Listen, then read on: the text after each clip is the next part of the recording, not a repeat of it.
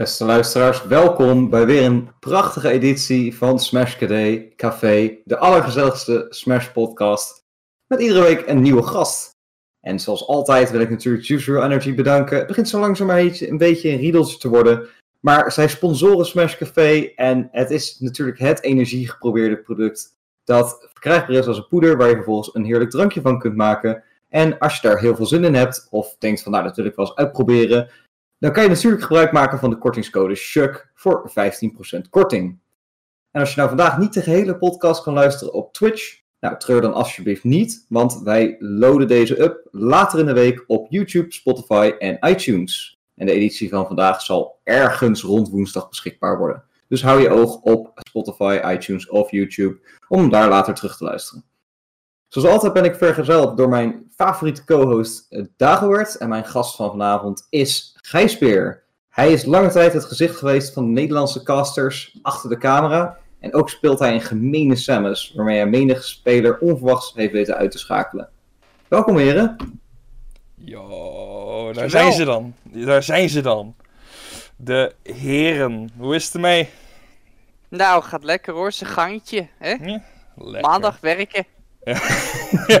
ja, dat gevoel ken ik wel. Het bij, mij, bij mij is maandag ook altijd uh, mijn zwaarste dag, by far. Ja, maar jij doet nou uh, lesgeven vanaf thuis, lijkt me nou. Hè? Dus, uh... nee, nee, nee, nee, nee. Maandag geef ik geen les. Nee, maandag heb ik uh, zes uur achter elkaar college into dit. Oh, oh. dus ik... Jouw brein is helemaal onbelast voor dit genererende gesprek van vanavond. Mijn, mijn brein is gewoon gefrituurd zaagsel op dit moment. Maar dat maakt allemaal niet zo heel veel uit. het, het, het chillen van Smash Café is wel dat je dat kunt luisteren. En, en je kunt gewoon je input geven wanneer je wilt. Ja, voor de luisteraars is dat natuurlijk iets lastiger. Maar ze kunnen natuurlijk altijd wat zeggen via de Twitch chat. En dan zullen we dat proberen mee te nemen. Yes. Nou, um, het was vandaag, vandaag natuurlijk ook Blue Monday. Een dag waarop uh, ja, veel mensen toch zeggen van dit is de zwaarste maandag van de maand. Of van, de, van het jaar. Hadden jullie daar last van jongens? Of hadden jullie vandaag gewoon een topdag? Naast de college nou, dan tenminste. Nou, nou, nou, ja. Uh, niet echt. Dat is super normaal vandaag. Uh, maar ja, ik heb wel, wel de urn opgehaald van mijn dode kipje. Dus dat was weer even de domper. Oh. Oh, dus, uh, ja vrolijk mij maar goed op, jongens. Ja, ja, Geen druk. Ja, ja, Gaan we zeker doen. Dat is, uh, dat is naar inderdaad, ja. Vandaag wordt naast je zes uur college voor de rest wel nog gewoon een prima dag gehad. Ja, nou, mijn dag begon heel goed eigenlijk. Ik had een hele lekkere run in, uh, in Crash. En uh, mm -hmm. dat ging wel lekker. En voor de rest heb ik eigenlijk gewoon uh, mijn dagen een beetje doorgezeten. op dat, nou, heerlijk. Of een uur een beetje doorgezeten op dat punt. Nou, prima. Dus gewoon een prima maandag. Nou, ja. We zijn hier vanavond, hebben we jou uitgenodigd, Gijsbeer. Nu is het even leuk voor de mensen thuis die jou nog niet zo goed kennen als jij een klein stukje over jezelf wilt vertellen. Dus je houdt kippen. Wat doe je nog meer naast Smash, zeg maar? Uh, als Smash het nog uitgebreid over hebben. Ja, precies. Nee, het is werk, hè. Werk, werk, werk. Ik uh, doe 40 uur in de week, dus uh, dan blijft er niet heel veel meer over. Dat ken je vast wel, Wouter. ja, dat herken ik zeker. Wat voor werk je? Wel, ja. ik werk bij een bedrijf dat de besturingsautomaten maakt voor uh, verkeersknooppunten en uh, nou ja, kruispunten eigenlijk dus. Dus de, het gebeuren dat de stoplichten aanstuurt. Dus als je ooit ergens uh, te lang voor rood staat, dan ben ik daar waarschijnlijk semi-verantwoordelijk voor. en, maar niet helemaal, want ik maak niet de applicaties, ik doe meer de hardware en dat soort grappen. Ah, ja, je, hebt.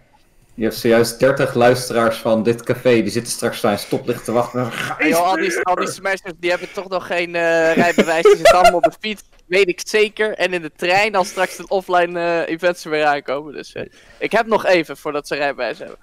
ja, alright. Je hebt nog eventjes om uh, alle stoplichten in Nederland... Ja, tenminste. Voor de, voor, voor de guppies in de community. Net. Voor de guppies. mensen als de, ja, mensen als Bruce, die rijden al een decennia mensen van hot naar her. En uh, daar, ging, daar ging ik eindelijk ook aan beginnen. Als uh, uh, oudere persoon binnen de community. Alleen oh. toen kwam die corona aan. Ik had, ja. ik had, Wouter had ik nog in de planning staan. Voor een plek in mijn prachtige Opel Astra uit 1994. om daar permanent te kachelen.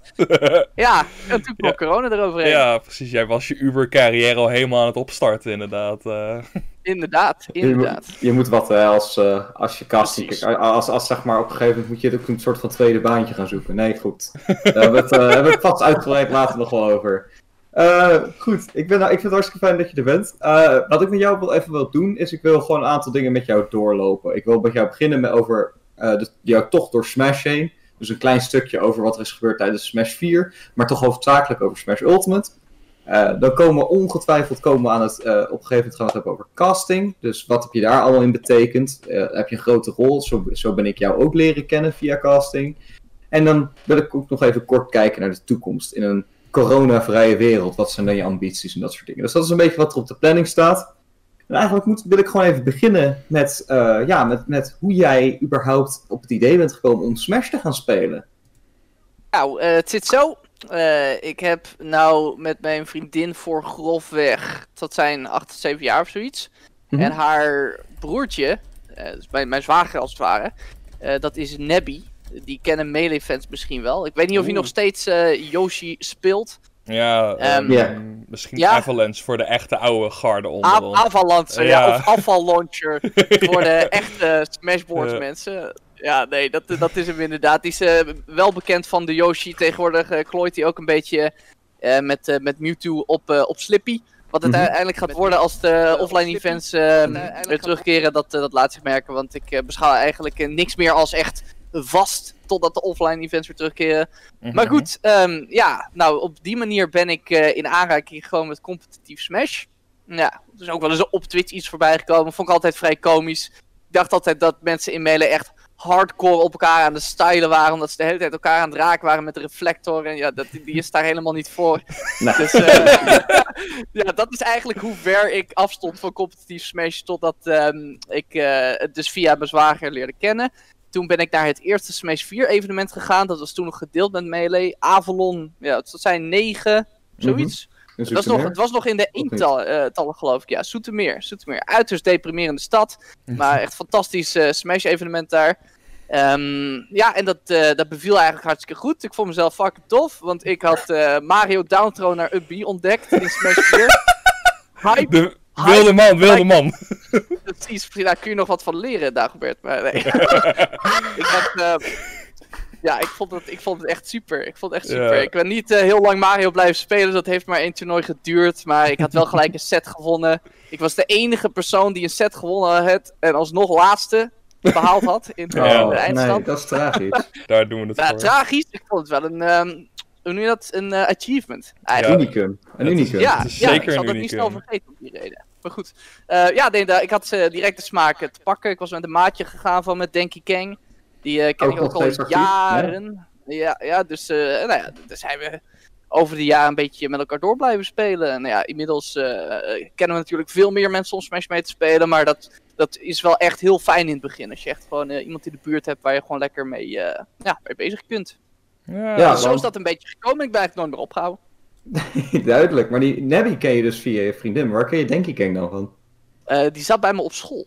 Oh, Lang, lang geleden. Sinds het zal zijn de vierde of de derde dat ik hem uh, heb leren Jezus, kennen. dat is echt heel, Ja, ja, ver, ja. eh, heel ver terug gaat dat inderdaad. Ja, dat is, dat is ook weer echt iets van negen jaar of zoiets.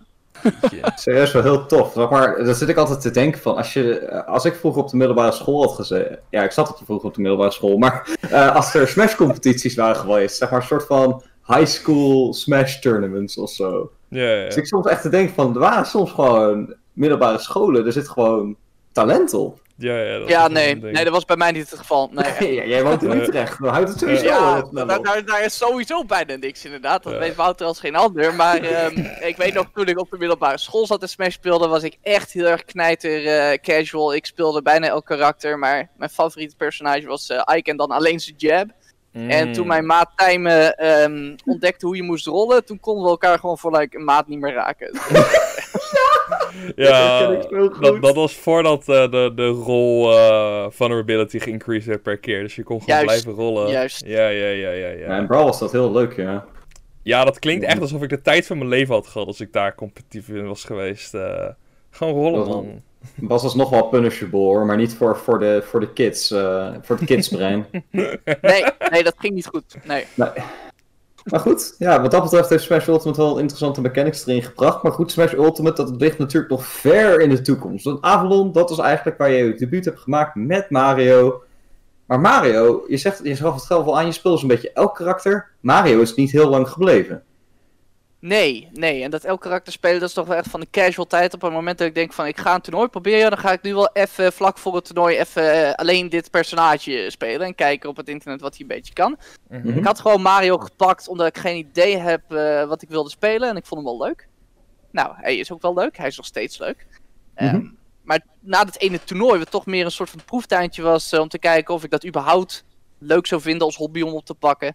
Eh, toen ben ik daarna eigenlijk kijken van, goh, oké, nu ik dit vaker wil doen, ga ik even kijken ehm, of er nog meer personages zijn. Want ik koos Mario gewoon even voor het even. Ja, En ja. toen eh, pak ik natuurlijk als elke beginnende speler even de tierlist erbij. Kijk, eh, kijk wat goed is. Nou ja, wat goed was, waren niet echt personages die ik leuk vond. En Mhm. toen viel me dat op, helemaal bungelde onderaan ergens in F-tier, Hm. Samus.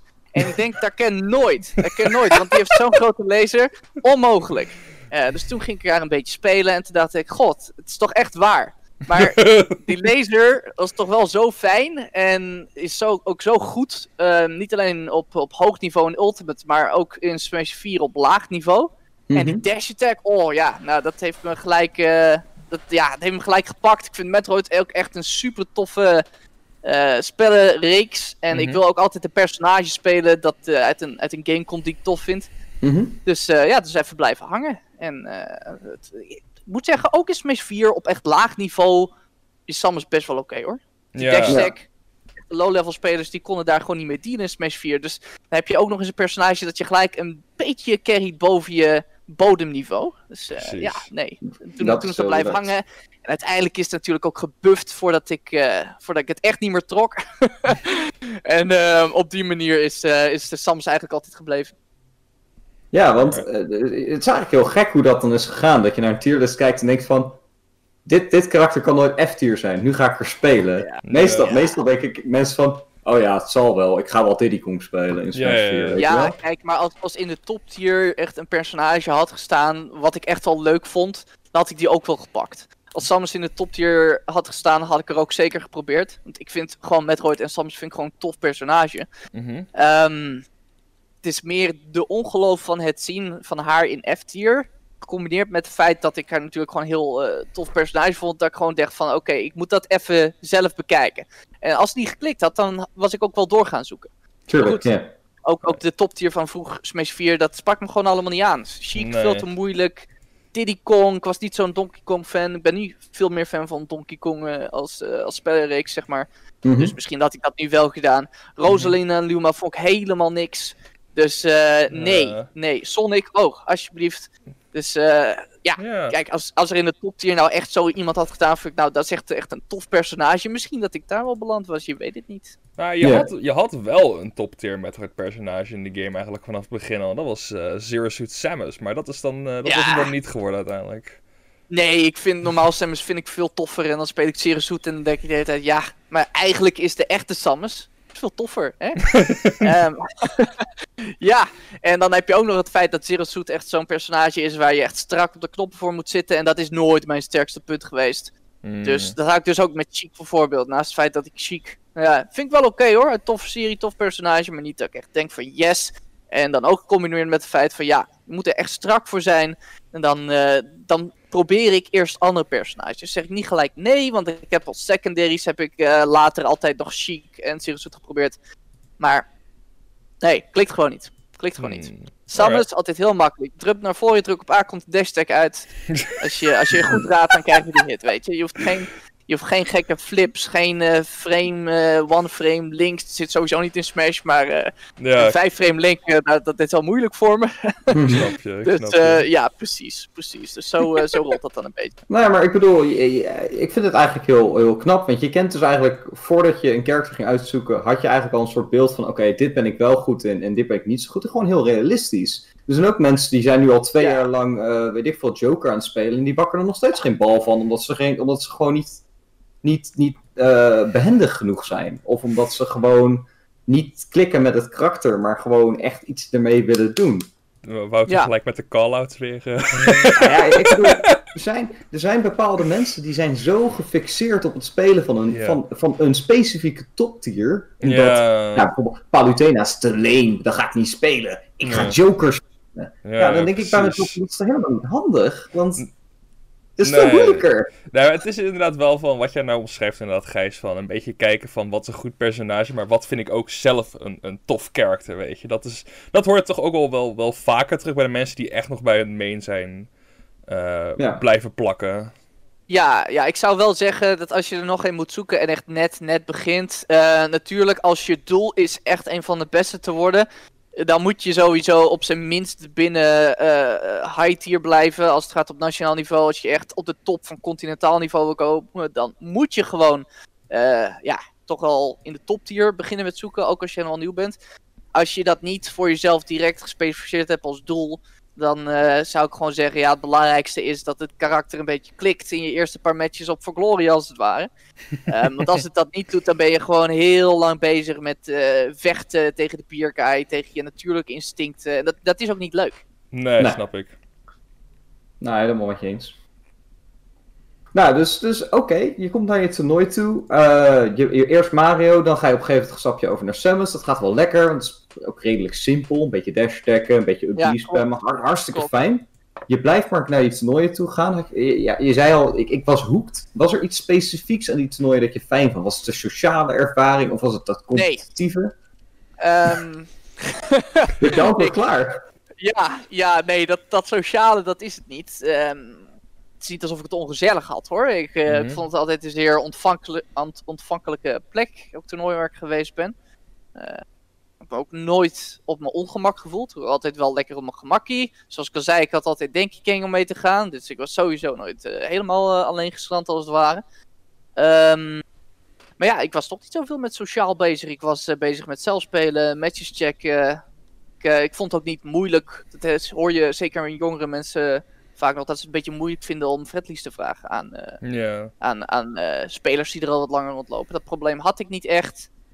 Um, maar nee, um, ik uh, sociaal is leuk, maar daar kwam ik niet voor. Ik, ik, kwam voor de toernooiervaring, want dat was echt iets wat ik nergens anders kreeg. Een beetje yeah. chillen met vrienden, hè? daar heb je vriendengroep voor, je studentenvereniging. is leuk, maar is niet nieuw. Dat competitieve, dat was echt nieuw. Want ik heb in het... Um, in het verleden natuurlijk wel uh, op uh, sport gezeten hier en daar. Want uh, dat, dat is goed voor je ontwikkeling als, als kind en weet ik veel wat. Maar ik zat er eigenlijk altijd van ja, het moet een beetje, want yeah. dat doe je. Maar ik was nooit echt, echt into de sporten die ik deed. Dus meer gewoon yeah. omdat het erbij hoorde. Ja. Um, en bij Smash was het eerste waarbij ik echt denk van... Goh, dit, dit competitieve trekt me echt. Ik vind het echt spannend als ik bijna ga winnen of bijna verliezen. Ik, ja. ik, merk dat dat me boeit. En dat had ik nooit eerder echt gehad. Want ik ben van nature heel erg uh, niet competitief, zou ik willen zeggen. Heel erg uh, laid back. Heel erg van, nou ja, weet je, als het, als het bij mij goed genoeg gaat, uh, naar mijn tevredenheid, dan ontstaat die drang om het beter te doen dan iemand anders. Het staat niet echt. Heb ik ook nooit op school gehad met cijfers of weet ik veel wat. Nou, had ik misschien wel meer moeten hebben, daar niet van. Maar, Maar uh, nee, dat, dat lag niet uh, bij mij uh, in mijn natuur. Dus toen ik dat wel, al was het maar voor een gedeelte. want zoals ik al zei, ik had nooit de drang om echt de beste te worden. Maar dat ik dat überhaupt gedeeltelijk ervaarde. Eigenlijk gelijk vanaf het toernooi, die, die spanning van, van de competitie. Yeah. dat was wel echt uniek. Dus daarvoor kwam ik echt. En dat sociale, dat is allemaal leuk als dat erbij ontwikkelt. Um, maar ja, als ik gewoon het uh, amicaal en vriendelijk heb op het toernooi zelf en er buiten niks, dan vind ik dat ook prima. Nou, dat, Zo zat nou, ik er een beetje in. Ja, vind, ik vind het wel grappig, want ik, wat mij altijd bijstaat als jij bij een toernooitje bent, is jij bent niet echt per se met mensen aan het kletsen. Maar je bent, je bent altijd wel bij een match aan het kijken ergens. Je bent altijd wel ergens bij ja. een match aan het kijken of ergens aan het spelen. En dat is niet zozeer Klopt. dat jij zoiets hebt van, nou, ik ga niet socializen, maar meer, jij, jij bent altijd wel ergens met de game bezig, noem ik het maar eventjes. Ja, daar kom ik voor. Ik zou ook nooit, dat heb ik ook mensen wel eens zien doen, nooit helemaal begrepen. Ik zou nooit naar een toernooi komen als ik daar niet uh, of zelf veelvuldig kan casten of uh, zelf meedoe. Ja. Uh, ik heb zoiets van, ja, als ik dat niet ga doen. Kijk, dus Klopt. goed, thuis blijven, singleplayer spel spelen, boekje lezen. Kijk, ik heb nog meer hobby's. um, gewoon een keer helemaal niks. Ook prettig. Na een week van 40 uur of meer, meer weet Zeker, je. Ja, ja snap dus, uh, ja, ja, ik heb wel echt dat gevoel als ik naar een toernooi kom, dan kom ik daar voor Smash. En zeker naarmate het later wordt, etenstijd komt eraan. Ik vind het wel altijd gezellig om met iemand dan even wat te snijden te gaan pakken. Mm -hmm. Maar uh, ja, inderdaad, ik kom voor Smash. Daar kom ik voor. Oké. Okay.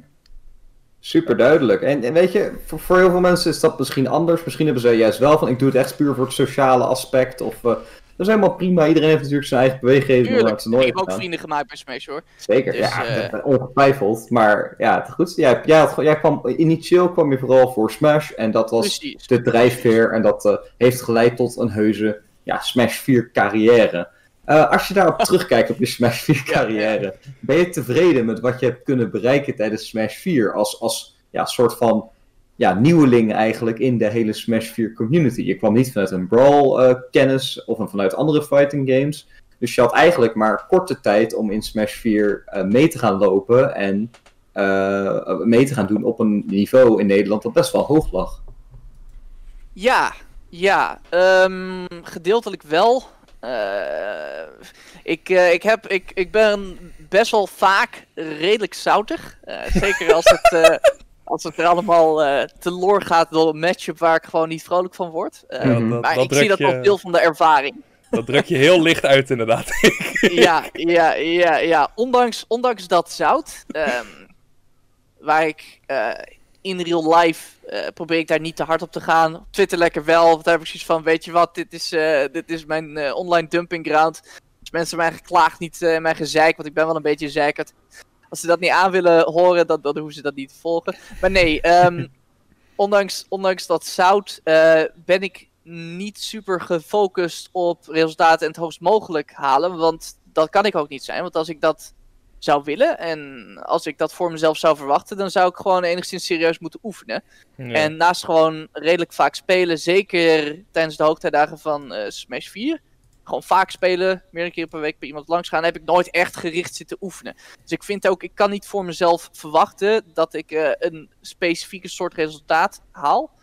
Um, ik, ik hoop natuurlijk wel elke keer grofweg mijn gemiddeld te halen ten opzichte mm -hmm. van de voorgaande toernooien.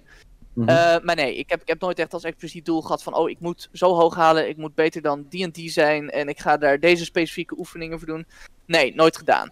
Dus ik uh, kan niet zeggen dat ik ontevreden ben met uh, wat ik bereikt heb in Smash 4.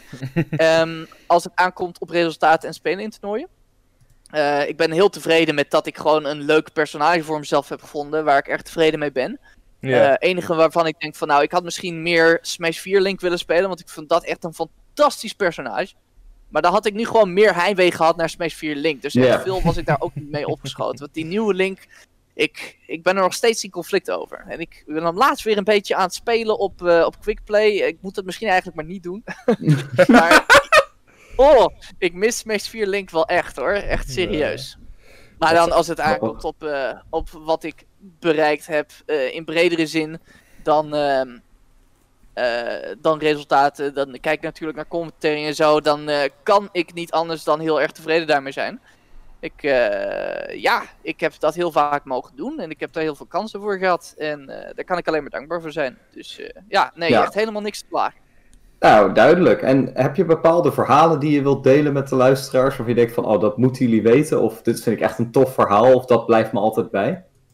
Ja, nou, um, het belangrijkste verhaal, en dat is een, gelukkig een heel kort verhaal, uh, is het verhaal uh, van, uh, van hoe dat allemaal een beetje begonnen is met, met BYOC. Want ik zie nog, zeker toen we nog counterpicks hadden, vroeger toen we nog locals hadden, zag ik en zie ik met enige regelmaat mensen die zoiets hebben van, oh ja, ik wil, ik wil ook wel proberen te casten, maar ik durf dit en dat, dan ben ik wel goed genoeg, en bla bla bla. Je kent het wel. Uh, mm-hmm. Eigenlijk hetzelfde wat mensen zeggen als ze voor het eerst overwegen naar een uh, real-life toernooi te gaan. En uh, bij mij was dat gewoon heel simpel. Roland, die organiseerde de eerste NH Smash. En die had daar gewoon een setup neergeplompt. En dat is voordat er commentary roosters waren enzovoort. En er stonden gewoon twee microfoons en je kon gewoon gaan zitten. En dat is precies wat ik heb gedaan. Ik, uh, ik zeg gewoon van, joh, kan ik er even gaan zitten? Kan ik even commentary doen? En dat kon gewoon. En de mensen die ik uh, in die dag heb of ontmoet daar ter plekke, of gewoon daar ter plekke mee heb gezeten om een commentary te doen voor het eerste, we waren allemaal niet goed. Of in ieder geval, dat, dat vind ik als ik terugkijk. En sommigen waren beter dan ander. Um, maar ja, dat is, dat is van, van zo'n willekeurig beslissing om toch maar gewoon even iets te gaan doen, kan dus iets groeien wat jaren, uh, ja, wat jaren bij je blijft, wat jaren groter wordt en waar je gewoon later met heel veel plezier op terugkijken. Dus wat het ook is, ga gewoon zitten. Ga gewoon zitten, daar gaat het eigenlijk om. Of ja. je koop, koop een treinkaartje naar dat evenement. Gewoon die, die laatste stap gewoon zetten. Gewoon niet over nadenken, gewoon zetten inderdaad, ja. Verder, ja, verder qua mooie verhalen. Um, de eerste keer dat we uh, internationaal gingen, of met we bedoel ik zeg maar de eerste keer dat een grote groep internationaal ging nadat ik bij de scene was gekomen. Beast 6 was dat volgens mij, dat was die ene Beast waar iStudying uh, eSam had verslagen. Wat een ervaring. Wat een ervaring. Dus als je een bijbaantje hebt en je denkt naar de corona, ik wil groots uitpakken. Er komt sowieso kort uh, nadat iedereen weer offline mag een groot internationaal toernooi aan. Spaar ervoor. Wacht op die ene waar heel veel Nederlanders gewoon gaan. En zet hem dan in. Ga dan mee. Want er was echt, zeker voor iemand die nooit echt een uh, interesse heeft gehad in sportevenementen. Uh, is dat echt een ervaring die je nooit eerder hebt gehad? Dat je echt met z'n allen in een stadionachtige omgeving zit. En maar schreeuwen voor die top 8. Ja, nee, dat, is echt een unieke ervaring. Dus dat moet je in ieder geval één keer gedaan hebben, zou ik zeggen. Voor, voor als je Smash zijn, in zijn volledigheid wil meemaken. Ja, ja ik denk zeker... Of, sorry, zeg je ding? Ja, ik, ik, wil, ik wil alleen maar zeggen, ik kan me volledig daarbij aansluiten. Toen ik Albion, Albion 4 was een echte ervaring. En uh, sindsdien crave ik die high nog een keertje mee te maken. Al Albion is wel een beetje curse voor mij, man. Ik vind het ja. zo jammer, want die toernooien zijn zo goed. Maar Albion is echt, ja. echt helle curse voor mij. Oh, man. man, man, man. Nee, wat ik wilde zeggen... Maar ja, Albion is een hele goede als GP ooit nog uh, oh, ja, ja, tegen, met tegenzin overtuigd kan worden toch weer een Albion te organiseren. Ik hoop het voor die arme man dat hij zich dat niet laat gebeuren. Nee. Maar stel hij laat zich daarin praten, dan moet je zeker naar Albion 5 gaan. Ongetwijfeld, ongetwijfeld. Denk, ja, en ik denk ook zeker dat uh, die VCA-toernooi in Oostenrijk, daar gaan ook vaak best wel wat Nederlanders naartoe.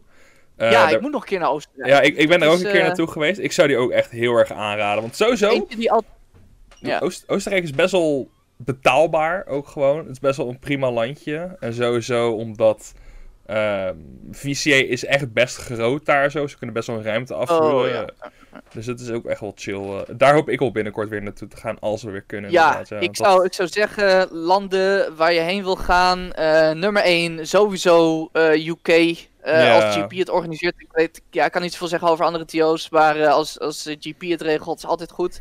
En dat iedereen Engels kan is gewoon super prettig. In Scandinavië, een beetje hetzelfde verhaal. Oh, beetje als Nederland. Altijd ook goed geregeld. Maar ja, zeker nadat Beast af is gestorven, zijn de speleraantallen daar niet even hoog als internationals bij uh, andere toernooien. Maar je kan in ieder geval uitgaan dat je gewoon een strakke ervaring krijgt. Duitsland uh, is hit or miss, maar meestal wel goed. Spanje, als het Tech Republic is, kan ik aanraken. Frankrijk zou ik wel echt ontwijken. En uh, ja, nee, serieus. Als er qua verhalen gesproken, Smashdown World, dat is een rampverhaal. Jeetje. Oh god. Voor mij werd hier nog niet over... Volgens mij werd nog niet over Smashdown World gehad op de podcast. Dus god, uh... Smashdown World. Volgens mij, alsjeblieft. Volgens mij kan je okay. een pod podcast aflevering vullen met alle tragische ja, verhalen. Ja, ik, ik had die nog... Um, en het was, het was heel leuk hoor. En er zijn verhalen uitgekomen. Dus uh, ik vind het niet erg dat ik uh, uh, dat toegekregen had. Want ik wou er ook zelf heel graag heen. Maar ik heb daar een, een, betaald rijtje heen gekregen van mijn ouders, zeg maar. Verjaardag of zo was het, of iets, iets anders. maar mijn god, dat toernooi. Mijn god. Naast, ik weet niet, voor de mensen die het verhaal kennen, klinkt het heel bekend. Maar de, de, hoeveelheid setups, het kwam amper boven counterpick uit. Dan dik ik het misschien een beetje aan, maar toch. uh, dan heb je drie, vier bekende spelers die uitgenodigd waren, waar maar de helft van uh, opkwam dagen, of in ieder geval Nairo afzegde. En dat was toch wel eentje waar mensen veel gingen. Ja. Dan word je uitgenodigd om te komen commentaten. En dan zit je op een stream met uh, haperende audiotechniek. Terwijl de Franstalige stream alle promotie en uh, alle functionerende hardware krijgt. Uh, ja, nee, nee, het was echt, echt een drama. En dat is ook de eerste keer waar ik trouwens, uh, een hele gekke ervaring, waar ik herkend ben door iemand die ik niet kende. en dat was extra gek, omdat hij tegen me um, aan het praten was en aansprak. Um, om, uh, om met, met de manier, zeg maar, alsof wij elkaar al ontmoet hadden. Oh, ja, ja, ja. Ik zat, er, ik zat er zo lang met van, hé, ik moet hem kennen. Kan niet anders. Kan niet anders. Precies, gewoon vergeten. eh, Ja, later bleek dat was dus niet zo. Eh, verder geen verkeerde gozer hoor. Eh, mensen die al wat langer meedraaien, die kennen misschien al. Dat was Kies. En, ik Oh! op het, eh, op het vliegveld. Hey, En, Gonzales! En ik ben stiekem. Ik ben stiekem. eh, ben ik enigszins asociaal? Niet in de zin van dat ik eh, onbeleefd doe tegen mensen, maar meer in de meest letterlijke zin dat ik weinig behoefte heb aan sociale contacten. Mhm. En meestal als ik gewoon ergens aan het reizen ben, lekker aan het vliegen of zo, zeker als het in mijn eentje is, ik gewoon graag een koptelefoontje op, spelletje aan, boekje aan, in slaap vallen binnen een uur. Eh, dat, is, dat, is, dat is mijn manier van reizen. En eh, ja, Kies, die eh, laatst het feit dat ik de hele tijd in het graaf van met ik moet hem kennen. Eh, was niet zo, maar ja, dat die, eh, iedereen kent hem, die, eh, die heeft wel een langdurige babbel. en ja, nou ja, dat heb ik op de heenreis heb ik dat goed volgehouden. Ehm, en het is, nogmaals, ik wil nog een keer zeggen, het is echt geen onaardige keren of zo. Dus het was gewoon een, een, een best oké gesprek. Eh, en nou ja, ik denk van, nou oké, dat, was, eh, dat was de heenreis. En op de terugreis, uh, wou die dus, omdat wij hadden wij dus blijkbaar een ticket voor dezelfde vlucht terug. en dan hadden die regelen dat wij samen teruggingen. En dat is, ja oké, fijn, weet je, smashers eh, reizen vaak samen. Nogmaals, het was geen onprettige ervaring per se op de heenreis. Dus ik dacht, ja, is goed joh. Maar tegen de tijd dat we daadwerkelijk terug moeten gaan reizen, is die guy echt nergens te bekennen. Dus ik Oh. sta daar op een of ander Frans metroperon, zeg maar. In, dus ik ben voorbij van een reis ergens. En ik zit zo met die guy, eh, we hadden zo een beetje afgesproken. eh, en tegelijkertijd beroost dat ik nou wel echt dat ding moet hebben. Anders, ehm, ja, anders eh, gaat, ehm, ga, gaan we het vliegtuig gewoon missen. En volgens mij, weet ik niet zeker hoor, maar we hadden ook afgesproken dat een van ons voor allebei de kaartjes zou regelen. Nou, dat was nog een beetje eh, voordat ik echt eh, werk had en meer eh, studie en zo. Dus nou ja, dan ben je altijd een beetje wat meer op, op het geld aan het letten. En ik quote me niet, want het is allemaal een beetje een blur. Maar één van ons twee zou kaartjes regelen voor de beide. Eén van ons twee zou het reisplan uitzoeken. ja, en dan zit je daar dus. En ik weet niet meer in welke van de twee posities ik dus zat. Maar het was of dat ik daar zat van... Oké, die guy is zo echt super hard gestrand omdat ik er vandoor ga naar dat vliegtuig. En eh, hij dan niet weet hoe hij terug moet reizen.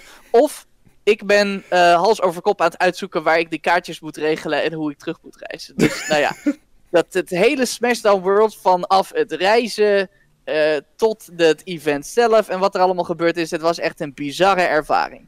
Dat, is, dat klinkt heel erg cursed. Dat klinkt En er zijn menig ander Smasher die je kan vertellen eh, dat Frankrijk niet je in eerste keus moet zijn. En dat al is het omdat het cursed is. Met eh Bas, Double C en zo, Peak for Life, die hebben daar wel verhalen over. Maar dat laat ik dan even voor een Smash Café met een van die twee. dat zal vast nog wel een keertje komen, inderdaad. eh. maar goed, nee, Smashdown World was Prachtig. een, een ramp, dus Wat een prachtig verhaal. Ja, ik heb echt stuk gelegen. Ik weet niet of mensen, of mensen dat hebben gezien, maar ik was op een gegeven moment echt aan het janken. Oh man. Maar goed, we begonnen allemaal met dat je op een gegeven moment een, een microfoon zag staan en dacht van, oh ja, oké, chill, ik wil hier gewoon gaan zitten. Oké, en dat is hartstikke tof. Eh, een van de mensen waarmee je heel veel hebt zitten kasten in Smash 4 tijden tijdens Counterpick was Philip, of toen beter bekend ja, ja. als Toon Philip. Zend, of Zend G. God, die, niet... die guy heeft wel echt de slechtste Smash takes aller tijden. Geen twijfel aan mogelijk. Ik weet dat hij zal zeggen dat het niet zo is, maar allemaal stuk voor stuk gewoon ruk. ja. Toen zet. Er bestaat niet eens een toen zet. Er zit geen. Nee. En dan heb je nog eh, Linda gehad. Ik weet dat hij nog eentje daartussen heeft gehad. Zend G. Oh, Ja, was Zenji. Zenji, die is nog erger. Ja, de, hij, het, is, het is wel echt erg, hè? zijn Oh. naampjes pakken was niet zijn allerbeste eh, Maar dat eigenschap, snap ik ook echt niet, want het is zo'n ongelooflijk vlotte jongen met zo'n Ja, dat is. eh, Eh. zo'n zo'n portie natuurlijke charisma. En dan is het zo'n tag uitkiezen en dan denk je van, nou, dat is echt drie keer niks dit. Ja, Stinktag gewoon, inderdaad. Ja. Ik ben het zo erg met je eens. Het is echt Ja. 100% waar. Ja. Maar goed, heel veel kasten met Philip dus. Ja, was Ja. dat een soort van natuurlijke combinatie? Of hoe is dat een beetje tot stand gekomen? Zijn jullie naast elkaar ja gezeten Utrecht, hè? van... Ja, Utrecht Boys. gang. Utrecht, Utrecht, allebei BYOC, allebei redelijk snel erbij. Ehm, eh, ik zat natuurlijk redelijk vroeg, in een redelijk vroeg stadium bij BYOC. Dat is eigenlijk eh, vlot nadat NH Smash eh, is dat gebeurd. Mhm. Eh, Roland woonde toen zelf ook nog in Utrecht. Kanaaleiland, als ik me niet vergis. Yo, Eh, en ik kwam toen de tijd om eh, offline Smash eh, te ja, oefenen, wil ik dus niet zeggen. Maar om eh, eh, competitief wekelijks eh, Smash te spelen, kwam ik thuis bij eh, Nasty. En Mhm. eh Philip ook. En die hadden elkaar volgens mij ergens, eh, voordat ik Philip kende, op een toernooi ontmoet. Nou ja, Philip woont in Utrecht, dus dat was een beetje de Utrecht club. Mhm. En ehm, nou ja, vanuit daaruit is Philip bij BYOC gedaan. Die wil op een gegeven moment ook casten. Nou ja, hij is, eh, hij is echt iemand die niet bang is voor de schijnwerper. Dus eh, die had ook wel redelijk snel interesse in eh, commentaren. Nou ja, je bent, al, je bent al samen Utrecht, je kent elkaar al. Je zit samen bij BYOC. BYOC organiseert samen locals. Dat is gewoon klik, klik, klik, klik, klik. Dat is ja, heel snel gegaan. Ja, en daar En hangt het ook dus- Ja, Ja. het gehoord- ja, het is toch omdat je elkaar dan ook vaak ja, wekelijks in het echt ziet, dat je toch een soort van natuurlijke je chemis- ge- chemistry opbouwt, denk ik dan. Zeker, dat helpt heel erg. Vanaf het allereerste begin met commentaar, als je echt nog, eh, stel je hebt nog moeite met een spreekbeurt, of je bent al eh globetrotting professional commentator, als je iemand naast je hebt die je goed aanvoelt en goed kent, dat gaat de niveaus van omhoog. Ja, Gelijk al. Dat inderdaad, want dan voelt het zeg maar meer als een soort harmonie in plaats van dat je gewoon één melodie hebt die er gespeeld wordt eh, uiteindelijk, om het zo maar even te vergelijken. Dus nee, dat klikte heel goed. Maar in dat opzicht merk ik het ook bij mijn eigen commentary sessies, dat, dat als je iemand hebt waarmee je echt, zeg maar, die, waarbij jij gewoon iets zegt en jij de juiste reactie terugkrijgt en daar weer op ingaat, dat het zoveel beter gaat al... al ben je de beste cast van de wereld, als, dan, dan kan je niet met een zwerver naast je een goede cast eh, voorzien. Tenzij Zeker waar, een, zeker waar. eh, enorm getalenteerde zwerver is, inderdaad. Ik heb eh, liever iemand naast me waar ik de commentaire stijl van ken en waardeer. eh, Ja. die, die misschien totaal niet bekend is, dan eh, echt beroemde casters waarvan ik zelf zoiets heb van, ja, weet je, ik gun je populariteit heel erg, maar eh, begrijpen doe ik het niet. Nee. En ik vibe er niet echt mee. Nee. Ehm, nee, dan kun je echt liever eh, die, die local caster naast je hebben, waar die het goed aanvoelt en waar je lekker mee vibe. Natuurlijk moet je dat op het allerhoogste, of eigenlijk moet ik zeggen het subhoogste niveau, wel iemand hebben die de game echt goed begrijpt. Iemand Mhm. die er echt, eh, echt verstand van heeft. Het, op het hoogste niveau kun je eigenlijk, eh, eh, ja, dat zijn altijd echt de grootste toernooien met heel veel hype. Kun je wegkomen met dat bijna de hele cast hype of play-by-play is. Ehm, en weinig diepgaande analyse. Mhm. Maar die subtop, waarbij mensen wel redelijk hype zijn, maar het zijn ook allemaal goede spelers met heel verschillende stijlen waar je heel veel van moet weten. Dat is eigenlijk het belangrijkste blok ehm, als het gaat om commentators selecteren op hun analytische vaardigheden. Klopt. Ik ben het 100% met je eens. Maar misschien kunnen we er zo meteen nog ietsje verder over uitweiden. Want ik wil het nog eventjes laten bij... eh, of ik wil de Smash 4 eigenlijk een beetje achter ons gaan laten. En dan langzaam toe eh, op gaan bouwen naar jouw hele casting eh, carrière. We zijn nu een beetje rond die Smash 4 periode. Ja, een beetje jagers en verzamelaars. We zijn... eh, we, hebben, we hebben het gehad over hoe jij achter de microfoon bent gaan zitten. Eh, je hebt eh BYC ben je aan gaan sluiten. Dat ging allemaal hartstikke goed. En zo kabbelt het een beetje verder. En op een gegeven moment komt die trailer voor Smash Ultimate uit. Ja, weet je, everyone is here. Het maakt een behoorlijke impact op je. Wat waren jouw eerste indrukken van Smash Ultimate toen je het gewoon alleen nog maar kon zien? Nou ja, eh balloon knockback. eigenlijk, eh, eigenlijk alle verdere diepgaande ideeën werden een beetje afgeleid doordat de balloon knockback eh, zo vreemd voor het oog eruit zat van iemand die dag in dag uit Smash 4 heeft gespeeld. Heel veel Ja. mensen die Mhm. weten wel wat ik bedoel als ik dat zeg. Eh, terwijl ook iedereen weet dat als je nou terugkijkt naar Smash 4, dan ziet het echt als een soort slow-mo uit. Het is heel, heel vreemd. Maar nee, die balloon knockback, ja, die was wel heel erg raar. Eh, voor de rest heb ik eh, vooral gekeken naar eh artstyle. Nou ja, die was heel erg soortgelijk. Ik weet nog dat ik een discussie eh, had met... en een weddenschap die volgens mij nooit erkend, weet ik niet zeker, met Zenji, Philip. Eh, over of het nou een, een deluxe versie was, of een, of een 1.5 zeg maar. Mhm. Of een echt nieuwe Smash deel. wat hij trouwens grandioos mis had. Want ik zag al gelijk van, nou ja, dat is, dit is echt wel meer dan even een faceliftje. Ehm, maar ja, daar, daarvan ga je ook gelijk denken van, ja, ik kan er eigenlijk helemaal niks over zeggen tot eh, dat spel uit is. Want je hebt het telkens weer grandioos mis. Of het nou gaat over een, eh, een DLC-character of over patch notes. En de impact die dat gaat hebben. Eh, iedereen heeft het de hele tijd ontzettend mis. dus ja, om te dan te denken dat je dat even goed gaat hebben bij een nieuw spel dat uitkomt, denk het niet. Ik zal Mhm. waarschijnlijk een hoop gezegd hebben van, oh, dit gaat er worden, dat. Want ik vind het altijd leuk om in dat soort discussies mee te doen en lekker stellig eh, te zijn. Maar Mhm. van binnen weet ik wel dat ik het gewoon helemaal niet weet. Totdat en dat allemaal anders uit gaat pakken. Totdat mensen dat spel echt, eh, echt vast hebben. Klopt. En ja, de artstyle. Vond het mooi. Was niet heel anders dan Smash 4. Maar ik vond het mooi. Maar verder geen grote inzichten erover gehad. Dus ik dacht vooral van ja, laten we wachten tot het uitkomt. Laten we wachten, kijken welke nieuwe personages eruit komen. Zat niet echt iets bij verdenk van, eh, nou eh, wauw, dat is echt een personage waar ik persoonlijk warm voor loop. Ehm, dus nee, heel veel eh, diepgaande gedachten ehm, heb ik niet gehad. Ik hoopte wel dat al die nieuwe macro's mij konden helpen met misinputs. Eh dat is bij mij, net zoals bij vele anderen, zeker niet het geval geweest. Meer, ehm, dus ja, nee, dat is een beetje wat er door mijn hoofd zweefde voordat het spel uitkwam.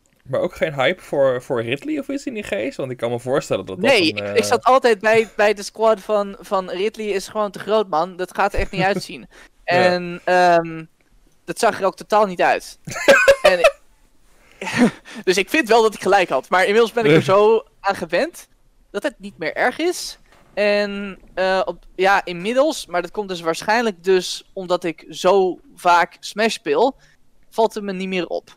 Alleen een beetje als ik echt stemmen tegen Ridley speel, want dat is een, een canon matchup natuurlijk. Ehm, maar ook dan eigenlijk, alleen als ik recentelijk nog een Metroid game heb gespeeld of zo. maar ja, als ik dan weer een keertje Zero Mission oppak of Metroid Prime en ik zie Ridley en ik kijk zo, weet je, dan denk ik, oh ja, het klopt toch eigenlijk helemaal geen zak van. maar het valt, me, het valt me wel mee. Ehm, in hoeverre dat gewoon totaal naar de achtergrond van je brein verdwijnt als je lekker aan het spelen bent. Dus ik, eh, ik dacht, het kan niet, maar ik ben wel onder de indruk. Alright. Oké, oké, oké. Maar eh, als ik het goed begrijp, dus ook geen overweging om andere characters uit te gaan proberen? Of eh, Nee, Nee, gewoon lekker. Samus? Gewoon lekker Samus. En eh, ik ben, ik ben, er zijn ook niet echt characters naast meer Metroid characters die ik erin wil. Als ik Mhm. even graaf in mijn geheugen zou ik er vast eentje kunnen bedenken die wel tof zou zijn. Maar in principe hoop ik juist dat ze bij het volgende deel echt eh, even flink terugsnijden. Hmm. Ik, eh, ik vind het much. Ik vind het wat much, ja, nee. Ik denk dat menig, eh, menig speler het wel met je eens is hoor. Zeker 70, 70 plus matchups die je moet leren, dat eh, is wel vrij heftig, maar goed. Ehm, Oké, Smash Ultimate was eigenlijk best wel een goed, goed, goede game voor jou aan het begin. Want je begon Begin, heel ja, sterk. het je, begin, begon, ja. je begon heel En sterk. Ik wil het vooral aan mijn karakter hangen, eerlijk gezegd. Eh, Want ehm, ik, als ik mij terugdenk naar die eerste paar dagen, dat was het, eh, eh, A, niet AFK, die andere crew in Amsterdam. Fight session. Eh, Fight session nummer 11. Fight Session, die, Ja, die- ja, ja, ja, Fight ja. Session. Eh, daar merkte ik gelijk al, tegen mensen die nog niet echt tegen Sam hadden gespeeld, mensen werden gewoon geraakt door Super Missile in neutral. Weet je? Nou ja, dat, dat gebeurt niet meer. dat komt gewoon omdat eh, in, in overgang van Smash 4 naar Smash Ultimate eh, is eh, de Super Missile zich opeens ge- gaan gedragen als een van de customs uit Smash 4, namelijk de Turbo Missile. Ja, en er waren mensen gewoon niet voorbereid. Die werden gewoon in één keer geraakt door Super Missile. Charge Shot die opeens kon chargen in de lucht. Ja, mensen kennen dat wel van Mewtwo. Maar Mewtwo die heeft een hele langzame projectile speed, zeg maar. En Samus niet. Dus Ja. het is gewoon...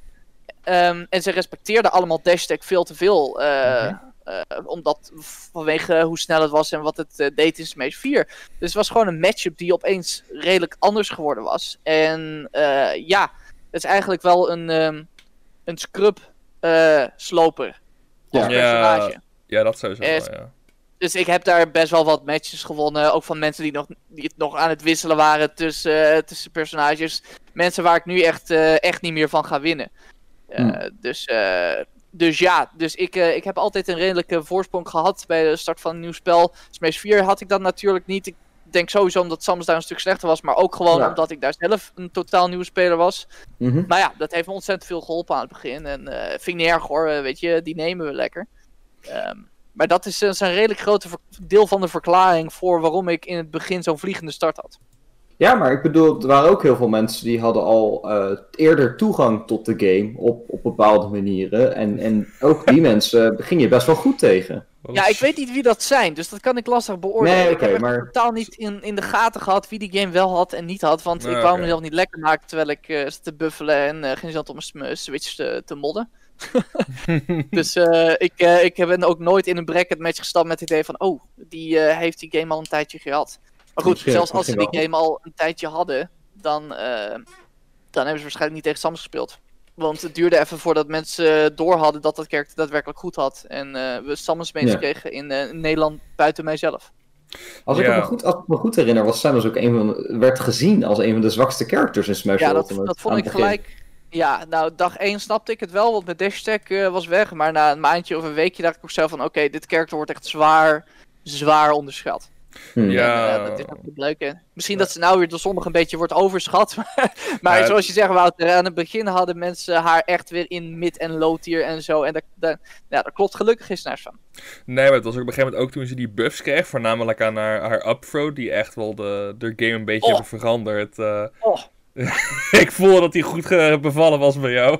Ja, ik heb altijd moeite met killen, dus ik vind dat altijd prettig.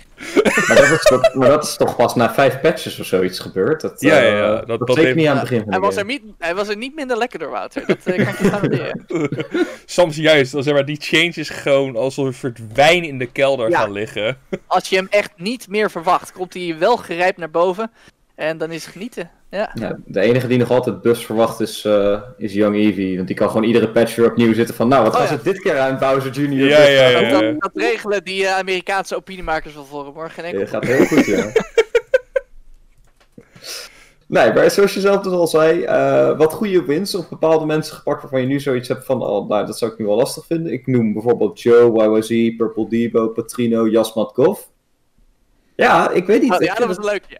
Ik vind het toch een mooi lijstje. En zeker ja, de ja. laatste is inderdaad een hele leuke. Wil je daar iets over vertellen, Gijs? Ja, um, ik weet niet of dat de eerste keer is dat ik in een YouTube-compilatie terecht ben gekomen. Maar um, dat was nou echt iemand die helemaal 0,0 Samus ervaring had. Dat was echt gewoon duidelijk. Uh, en uh, ik was er dus in België. Volgens mij was het mijn eerste out-of-country toernooitje. Out-of-country, eh, je kachelt even met met Joe in de auto over de grens. Uh, het, om het echt een wereldreis te noemen, nee. Maar um, het was een leuk toernooitje. en ik heb wel een paar matches net gewonnen. Dus ik denk van nou, ik ga lekker verder. verder. En op een gegeven moment kom je dus inderdaad uh, Jasper Koch tegen. En denk je, oh, dit is een van die topspelers, dus dat gaat niet worden. Mm -hmm. um, maar ja, hij speelde allemaal personages die ook nog eens gewoon eens, uh, vrij bagger tegen Samus zijn. Dus plant in ieder geval vroeg geplant. Ik denk dat uh, mensen als Mr. Jer, uh, die hebben wel laten zien dat uh, je wel echt heel erg moet oppassen voor plant. Maar toen was die punish game nog niet zo ontwikkeld. En plant neutral tegen Samus is niet fantastisch. Dus dan kan je daarop doorcruisen gewoon in neutral naar de win.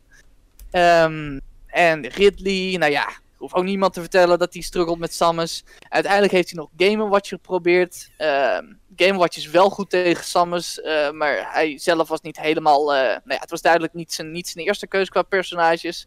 Yeah. Nou, en de mensen die uh, Yeet Smash of wat was het ook alweer in de gaten houden, die, die kennen die controller spike wel. ja, dat, dat heb ik nooit eerder tegen mij gehad. Dus nou, dat was wel even een momentje van, goh, wat is dit nou? En ik ben zelf ook flink, wel eens flink zoutig geweest uh, na een match waarvan ik denk, die had ik echt moeten winnen. Dus ik begrijp die emotie wel 100%. Ik heb er ook verder niet moeilijk over gedaan hoor. Ik heb ook wel eens op een um, toernooitje in Mellen. Nou ik heb het nooit echt zo naar de grond gespiked waar je controle echt kapot van gaat. Maar ik heb ook wel eens gezien van, oh mijn jas ligt er in de hoek. Ik lop hem even erheen, want ik weet dat ik toch geen nieuwe hoef te kopen of dat er iets kapot gaat, weet je wel. Of ik, uh, ik drop hem even op tafel, zo, zoals je je telefoon zou droppen op tafel. Dus ik snap die emotie wel. Um, mm. Echt zo spiken zou ik nooit doen, want ik, ik hou er wel van als mijn zooi graag een beetje heel blijft. maar ja, dat was de eerste keer dat ik dat tegen mij had gehad. Dus dat was nog wel even, dat was wel een ervaring. Ja, ja dat, en, dan, en dan zit je daar en wat, wat, wat, wat doe je dan? Blijf je dan gewoon zitten en dan na vijf seconden denk je van... Oké, ja, nu kan ik wel weglopen, of... nou, kijk, uh, hij had een soort spike waarbij je echt F uh, moet opstaan voordat je, die, voordat je goed die overhandse ja, worp kan maken. Dus hij stond al ja, ja, ja. en liep direct ook daar naar buiten. Dus ik hoefde niet echt te blijven zitten. Dus voor mij was dat uh, controller oprollen en... Um, ja, en klaar. Dat, maar goed, dat... hij kwam later ook uh, gewoon weer terug naar binnen hoor. Heeft zich gewoon netjes verontschuldigd. Dus uh, hoffelijke vent verder. En, uh, ja, nette jongen. Over... Ja, precies, dat, precies. Dat, dat, is nog steeds mijn favoriete deel aan de clip, zeg maar. Van die, die controle wordt gespiked en direct daarna switcht hij terug naar de playercam. En je ziet hem echt wegrennen en jij zo, oké, okay, ik ga weg. gewoon echt heel rustig die controle oprollen. Alsof het Ja, geen zak dan, hè? Ja, gewoon, ja, dat dus. Maar het is- normaal zeg maar, mensen die zeg maar, nog een beetje stom verbaasd zijn dat het gebeurt, weet je. Je hebt wel eens gewoon dat je vastloopt qua gedachtegang. Ja, nee, dat heb ik niet. Want Nee, dat heb ik ook wel vaker. ik doe het alleen niet zo vaak. Inmiddels, Ja, je- inmiddels wordt, merk ik, en dan merk ik wel, ik word meer apathisch als ik aan het verliezen ben. Ik weet niet of dat een goede of een slechte ontwikkeling is, maar eh, Dat, dat Nou, durf dat, ik eh, niet te zeggen, dat, kan allebei de kanten op gaan. eh. precies, precies. Maar nee, ik snap de emotie. Zoals ik zei, ik heb hem ook wel eens gewoon in een stapel jassen. Alleen dan doe ik dus nooit niet zo overhand dat ik hem echt spike op de grond waar schade van kan komen. Nee, ja, er ligt een stapel jassen gewoon even woep. Ja, ja, ja, precies. Nee, dat snap ik wel inderdaad. Ja. Ik snap de emotie wel hoor, dus. Maar goed, je moet het niet doen. Nee. Nee. Ik ook niet. Dus. Nou goed, eh, je woonde toen en nu nog steeds trouwens gewoon in Utrecht. Ja, en Ehm, hopelijk voor de rest van mijn leven. Kijk. en dan, dat, dat, is- dat is natuurlijk altijd goed om te is maar één horen. reden dat ik hier ooit wegga. En dat is als die huizenprijzen zo bizar zijn gestegen. Dat ik echt kapot veel winst op mijn huis maak. En ik eh, hoef niet ver van mijn werk te gaan wonen. Omdat ik of niet meer werk. eh, eh, of eh, omdat ik dichtbij een soort van boerderijtje kan vinden. Want dat zou dan wel iets moeten zijn met lekker weinig buren. Lekker veel land. En dan gaan we ontzettend veel kippen houden. Je, Ja, je hebt echt je hele, je hebt je hele postcode loterijdroom al voor je liggen. Klopt, klopt. Alleen doe ik niet mee met de postcode loterij. Dat, eh, nou ja, oké. Misschien, misschien als mijn straat de postcode loterij wint, dat ik dan nog wel met controllers ga gooien. Maar, eh, maar in principe heb ik, ja, ik heb, ik heb wel een droompje hoor. Maar goed, dat is een miljoenen droompje. Dus eh daar gaan we maar even niet vanuit dat dat gaat gebeuren. Ja, Je huisprijs die blijft nog wel even stijgen, dus voorlopig zit je, nog wel, zit je nog wel eventjes goed. Ja, of mijn, Goed. vriend- mijn vriendin moet natuurlijk echt een bizar goed eh, betaalde baan krijgen. Dan word ik lekker huisvader of iets dergelijks. eh, Ook leuk. zeker. Ook leuk. Maar goed, ja, Utrecht ja, het staat niet echt bekend om de sterkste regio te zijn wat Nee, betreft we, Smash we, Ultimate. er echt helemaal niks van. We bakken Nee. er helemaal niks van. Dat is, Jou eh, inclusief, Wouter. Dus, eh, Ja, nee, ik, ik ga het ook zeker niet ontkennen. Maar ja, je, je had het al eerder over van, ja, ik was er niet echt om... Ik wilde niet echt de beste worden, maar ik neem aan dat er wel iets door je heen ging van, ik wil wel beter worden. Of had je dat ook helemaal niet? Tuurlijk. Ja, en zolang dat gebeurde ben ik ook nooit eh, echt zoutig geweest. Dat, het zout dat kwam pas rond, rond mijn plateau. Ja, en dan zit je toch, ehm, en daar zit ik nog steeds in, in dat mentale touwtrekken. Tussen ehm, niet meer die inherent voldoening gevende factor van dat je iets beter aan het worden bent. Ehm, plus dat je niet echt aan het oefenen bent. Je zit niet echt op die grind om beter te worden. Mhm. Ik speel wel redelijk wat. Maar je zult mij niet zien dat ik echt van... eh, hey eh, Purple Debo, heb je een keer tijd? Dan gaan we echt een middag lang Pac-Man tegen Samba spelen. Dus ik gewoon niet op te wachten. Hetzelfde geldt met Duck Hunt, Steve. Ik kan nog wel een paar matches bedenken. Ik heb daar gewoon geen zin in. En ik ga dat ook niet doen. En dan... Ja, stel ik ben zo'n zo'n jong guppy. Ik ben 14 tot 16. Ik zit op de middelbare school. Ik hoef eigenlijk geen fuck uit te voeren. En ik weet dat middelbare scholieren denken dat moeten wij wel. Nee, dat moet je niet. Dat, dat, Ja. je nog wel. Wacht maar als je de studie ook- begint. hè. Juist, juist ik, of, of werkt, ik, eh of 40 uur in de week ik, en, eh, en zelf het huishouden moet doen. Ik weet nog wel hoor, ik dacht dat ik veel moest doen op de middelbare school. Dat is niet waar geweest. Echt Nee. niet waar geweest. Tenzij ik echt, echt mijn best had gedaan hoor. Dan, dan had ik misschien wel wat moeten doen. Maar de gemiddelde tiener, nee, die heeft tijd zat. En als ik dat nog was geweest, dan had ik misschien gedacht van ja, dat ga ik wel doen. Ik ga Mhm. wel elke, elke week een middag of twee zitten voor matchups waar ik echt super zagrijnig van word. Om die gewoon goed te leren, om die echt te winnen. Ik ga wel het lab in om eh, die strakke inputs te krijgen die ik niet van nature heb. Zoals sommige mensen dat wel hebben. Even side note. Mensen die denken dat eh, talent niet van invloed is, die snappen er echt helemaal niks van. Ehm 9 van de 10 mensen die kan in een lokale scene de top worden door hard werk. Maar eh, sommige dingen, de echte absolute top, is gewoon niet weggelegd voor mensen die daar eh, niet van nature ook een beetje voor hebben. Nogmaals, het is echt helemaal niks voor je regionale of zelfs in Europa nationale scene, want dat kan gewoon wel. Ja, goed, ik, ik moest het even kwijt. Precies. Want Je weet- de mensen die denken dat er geen natuurlijke aanleg heb, die hebben niet gezien hoe ik in Smash 4 gewoon echt letterlijk een maand heb geprobeerd auto-cancel fair van de Lash proberen en dat gewoon niet gelukt is. En dat is echt geen moeilijke eh, strakke input of zo. Dus Nee, precies. ja, het speelt wel mee. Maar ook ik zou echt een heel stuk beter kunnen worden als ik er tijd in zou stoppen zoals je dat hoort te doen als je echt de ambitie hebt en echt de verwachting hebt om goede resultaten te halen. Ehm, maar ja, ik, ik ben niet 14 tot 16. Ik zit niet op de uh, middelbare school. Uh, en je woont in Utrecht. Uh, ik woon in Utrecht. maar, maar dat, dat, is wel de laatste barrière hoor. Oh, echt? Ja, ik, was. ik heb een heel prettig gezinsleven al thuis gehad. Dus stel, ik had op de middelbare school gezegd van... Ma, pa, ik wil heel goed worden in dit videospel. Kun je mij naar, naar Brabant rijden om met uh, Soreru, Bral, want toen was dat Brawl, ja, ja, te gaan oefenen... Uh, dan hadden ze dat uh, denk ik nog wel met enige regelmaat gedaan ook. Ja. Uh, nee, dus ik, dat is nooit een barrière geweest. Maar Ik, tegenwoordig zit ik erin van ik werk 40 uur in de week. Klopt. Um, ik doe zelf mijn eigen huishouden. Ik heb nog meer hobby's. Ik wil nog andere games spelen. gewoon voor de singleplayer plezier zeg maar. Ik wil nog boekjes lezen. Ik wil nog een beetje in een soort van geordend huis wonen. Ik zeg bewust een soort van. Um, nou ja, dan moet je gewoon keuzes maken. En ik zit nou dus een beetje in dat mentale touwtrekken. Van, goh, um, ik merk dat ik er minder lol aan beleef. Omdat ik echt duidelijk uh, ja, dat plateau wel heb bereikt. En misschien zelfs een beetje aan het achteruit gaan ben. Of dat de rest aan het vooruit is aan het gaan. Dus datzelfde gevoel opwekt. In welke mate dat komt door wifi, dat weet ik niet. Dat, dat uh, zal na de coronatijd uh, blijken. Maar aangezien mijn character niet bepaald slecht wordt van wifi, durf ik het Mhm. daar nog niet op te gooien. Ja, en dan, dan zit je dus een beetje in dat mentale touwtrekken van... Goh, ehm, eh, wil ik hier nog heel lang mee doorgaan?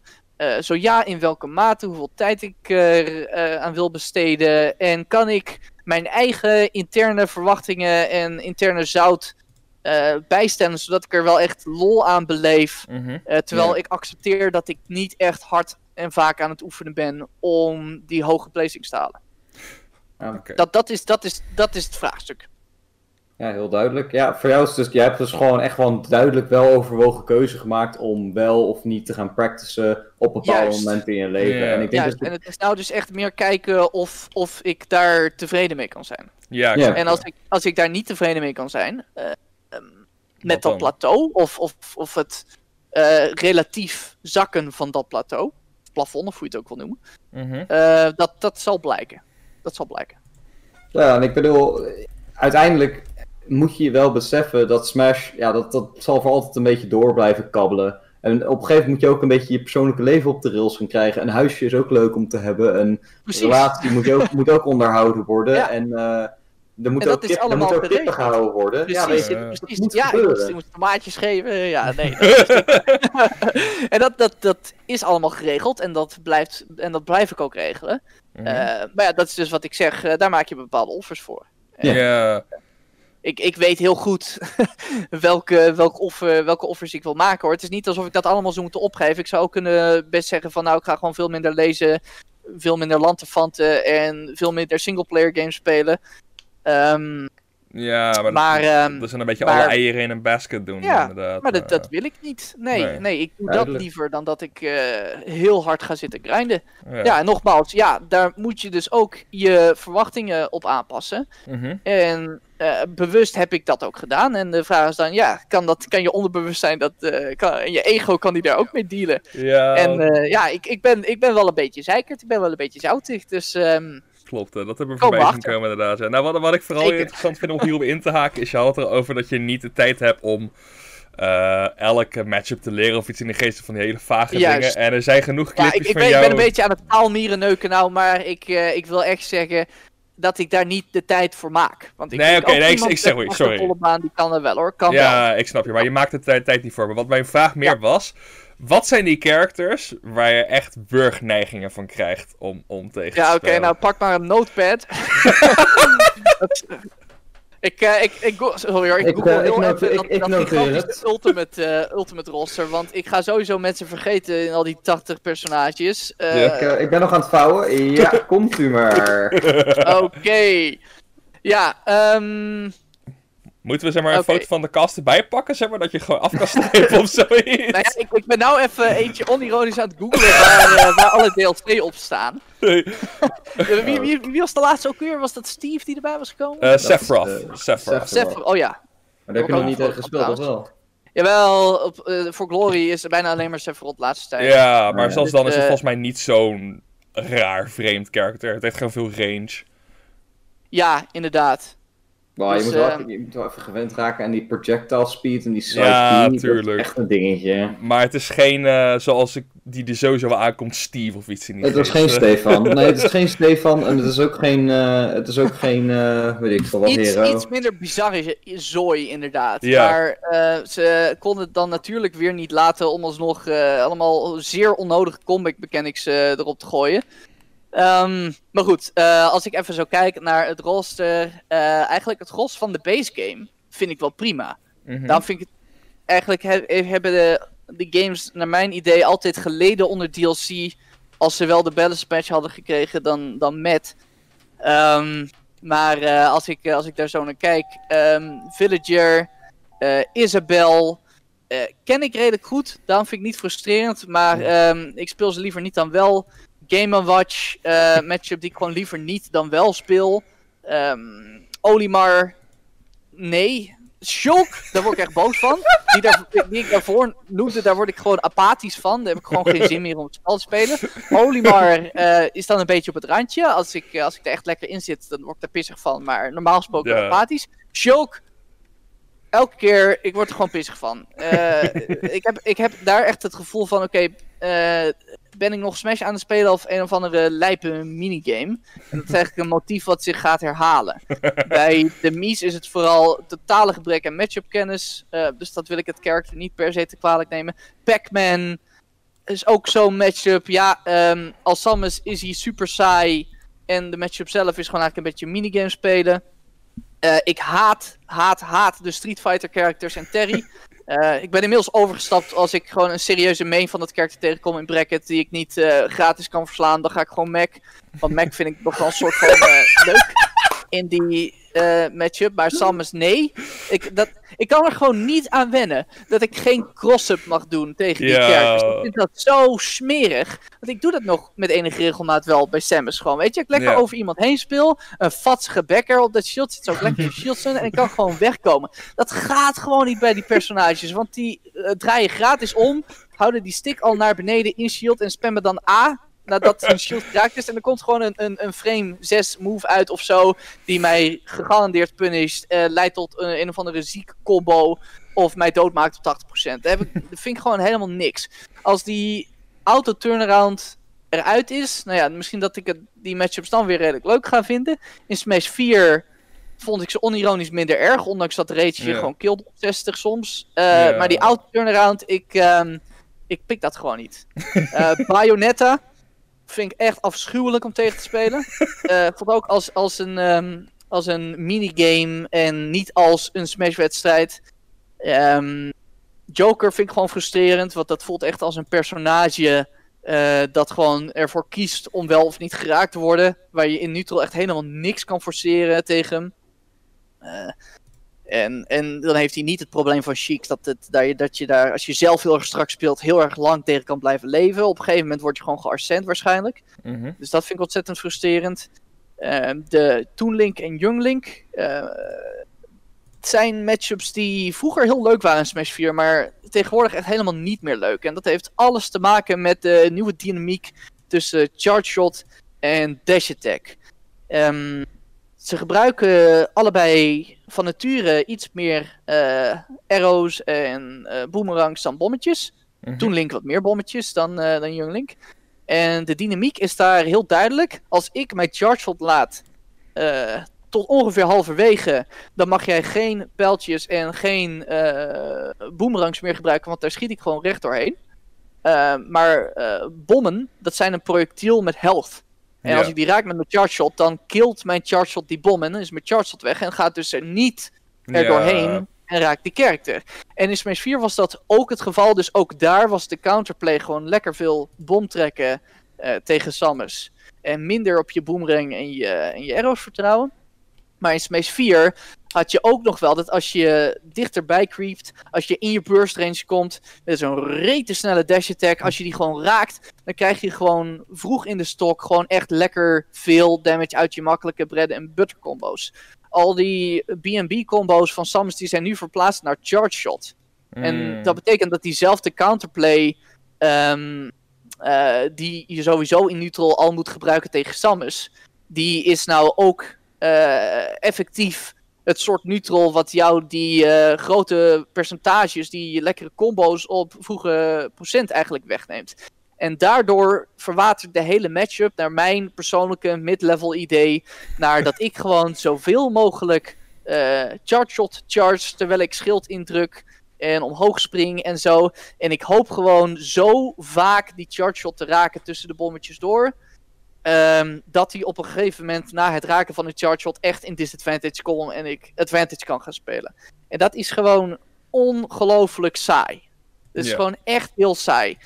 Alle dynamiek is uit die matchup verdwenen doordat die BNB's verplaatst zijn naar een hele snelle dash attack, een hele lastig punisher dash attack, um, naar mijn charge shot. En hetzelfde is bij Duck Hunt uh, het geval. Plus dat Duck Hunt een extra projectiel erbij heeft gekregen waar mijn charge shot niet meer uh, doorheen gaat.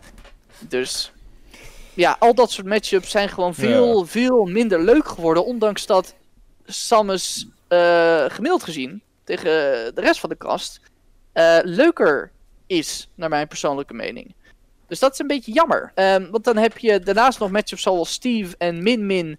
Uh, die ik ook gewoon weer zie als gewoon totale gimmicks waar ik gewoon geen lol uit haal. En niet als in gimmicks dat het one-trick ponies zijn, maar gewoon dat het Smash verandert naar wat voor mij aanvoelt als Smash.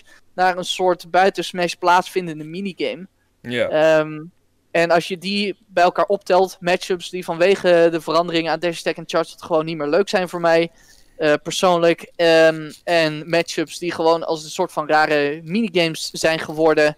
Uh, dan kom je toch uit uh, op een ja, golfweg 10 personages waar ik gewoon zoiets in heb van weet je wat, ik ga wel een of ander dom karakter wat ik on the side speel, want ik voel hem, ik voel gewoon niet eens meer de zin om proberen te winnen. Nee, dan komt okay, het apathische gevoel weer, inderdaad. Ja, dat, dat, dat er, daar kwam echt dat apathische gevoel bij. De eerste die mij dat gaf was echt Banjo. Oh, Banjo.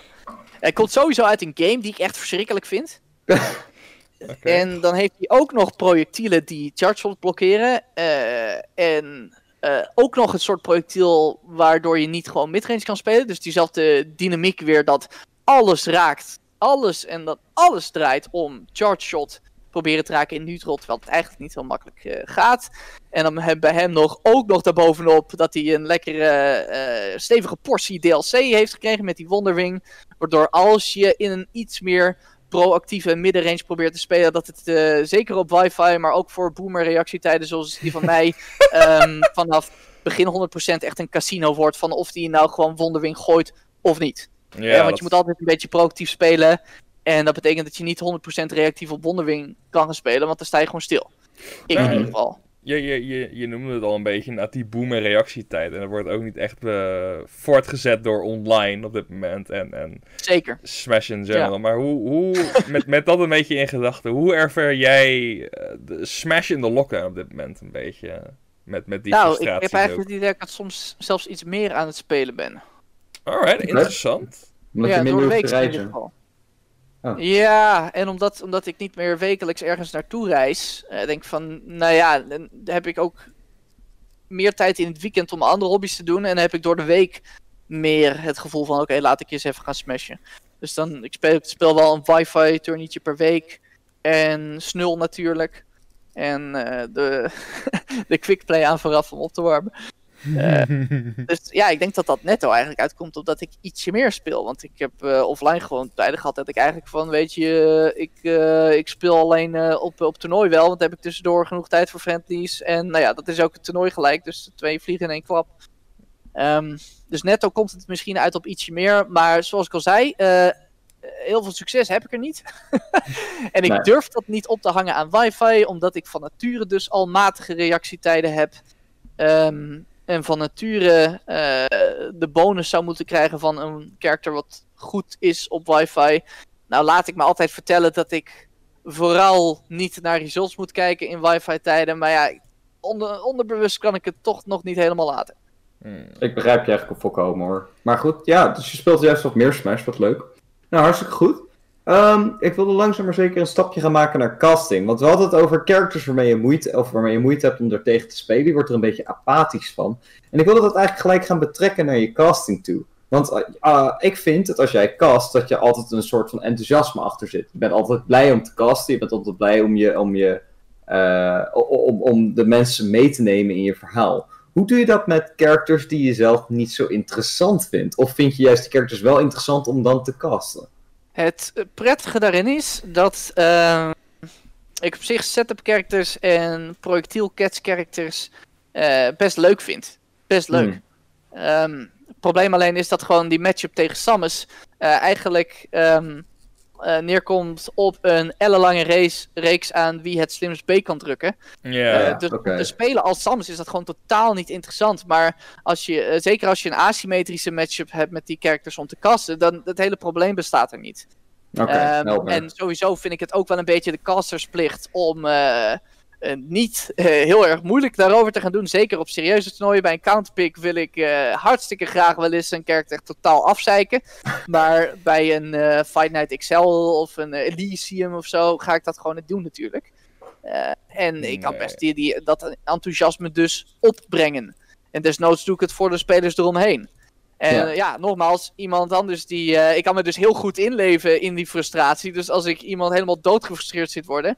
Ja, ik voel de frustratie zelf niet. Mm. Uh, want ik ben het niet. Maar mm. ik voel wel, ja, ja die, uh, die emotie en die, die, die ja, passie, om het zo maar te zeggen. Van dat, dat, dat, ja, dat er toch iets hevigs van binnen gebeurt bij die persoon. je, je voelt het, zeg maar, telepathisch bijna. Ja, ik, ik voel dan wel die heftigheid, maar niet de negativiteit van de frustratie. Nee, nee, precies. En ik zie het sowieso ook een beetje als plicht hoor. Dus uh, niet, het is echt niet zo alsof ik uh, bij elke match denk van nou spanning en sensatie. Mm -hmm. Maar uh, je raakt er ook een beetje getraind in hè. En zeker omdat Ultimate vind ik gewoon een hartstikke tof spel. Kasten vind ik leuk. 9 uit de 10 matches op een dag zijn gewoon tof om naar te kijken en te kasten. Dus dan kan ik het best wel een beetje faken voor die ene die gewoon een beetje, ja, beetje niet zo is. En dan vind ik ook niet dat je als caster moet gaan zingen van... Uh, nou, dit is hem niet, hè, jongens. Uh, ga maar even een postie maken, deze man, vijf man, ja, Want deze mag je wel missen. Nee, dat ga je niet Ja. doen als caster. Nee, Ik ben- nee. Ik ben er ook niet zo van dat je echt elke minuut fake hype moet gaan doen. Ik ken ook wel die casters. Nou ja, elke lullige Fire Arrow van Younglink die een neutral tot niks gaat leiden. eh, ja, echt beschreeuwd moet worden als het ware. Daar ben ik ook niet van. Nee, nee. Maar echt actief de match naar beneden praten, dat, eh, dat moet je echt niet doen. Tenzij Nee. mensen echt actief gewoon er een zooitje van aan maken. En dan kun je er altijd een laagje comedy overheen gooien. Als Ja, precies, precies. Want het is ook gewoon grappig, meestal.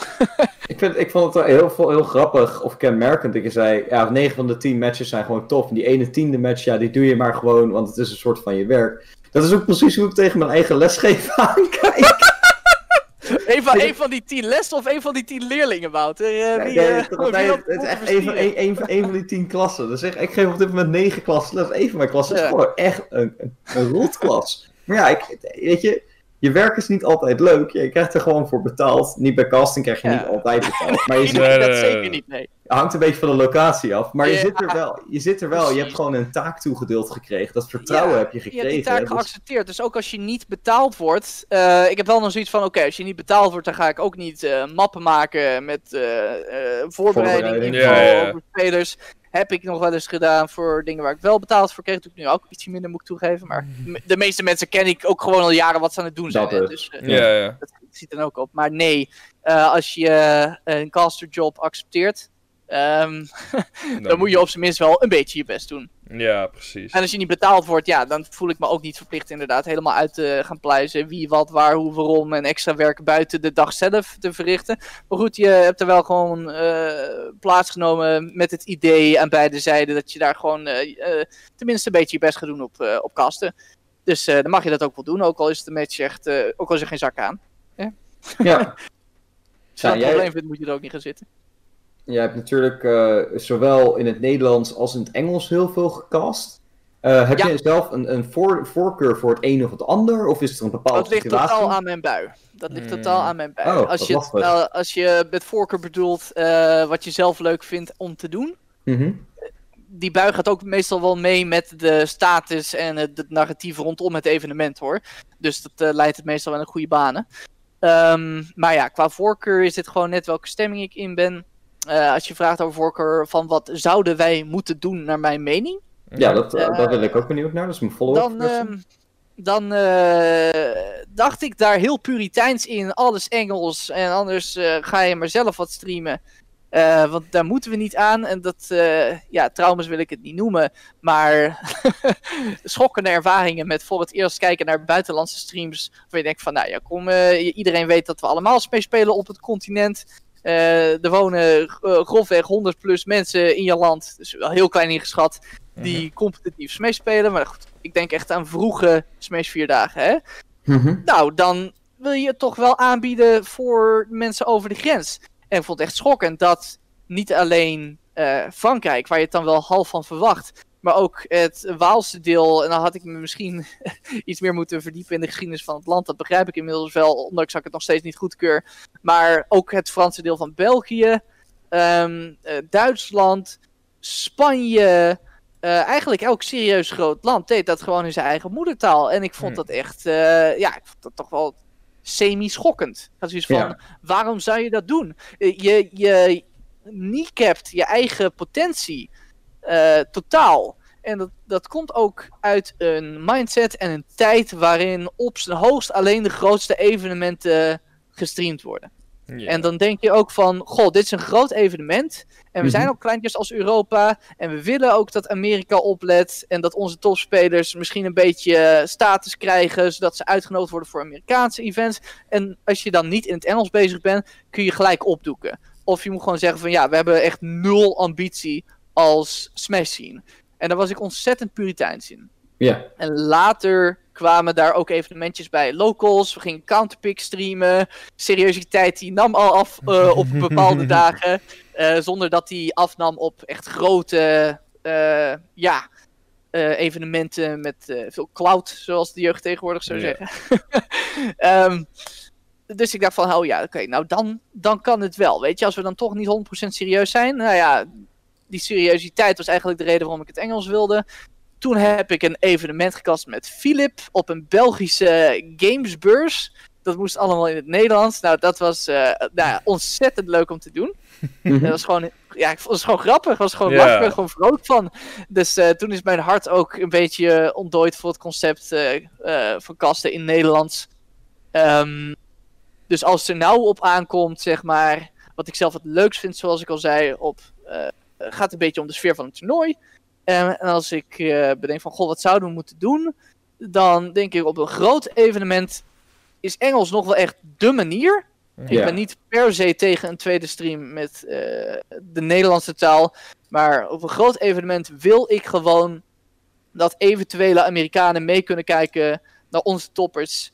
Um, en dat, uh, dat uh, het hele idee van dat het een globale smashing is, waarbij het leuk is om elke scene in de gaten te houden, een beetje gaat groeien een beetje gaat groeien.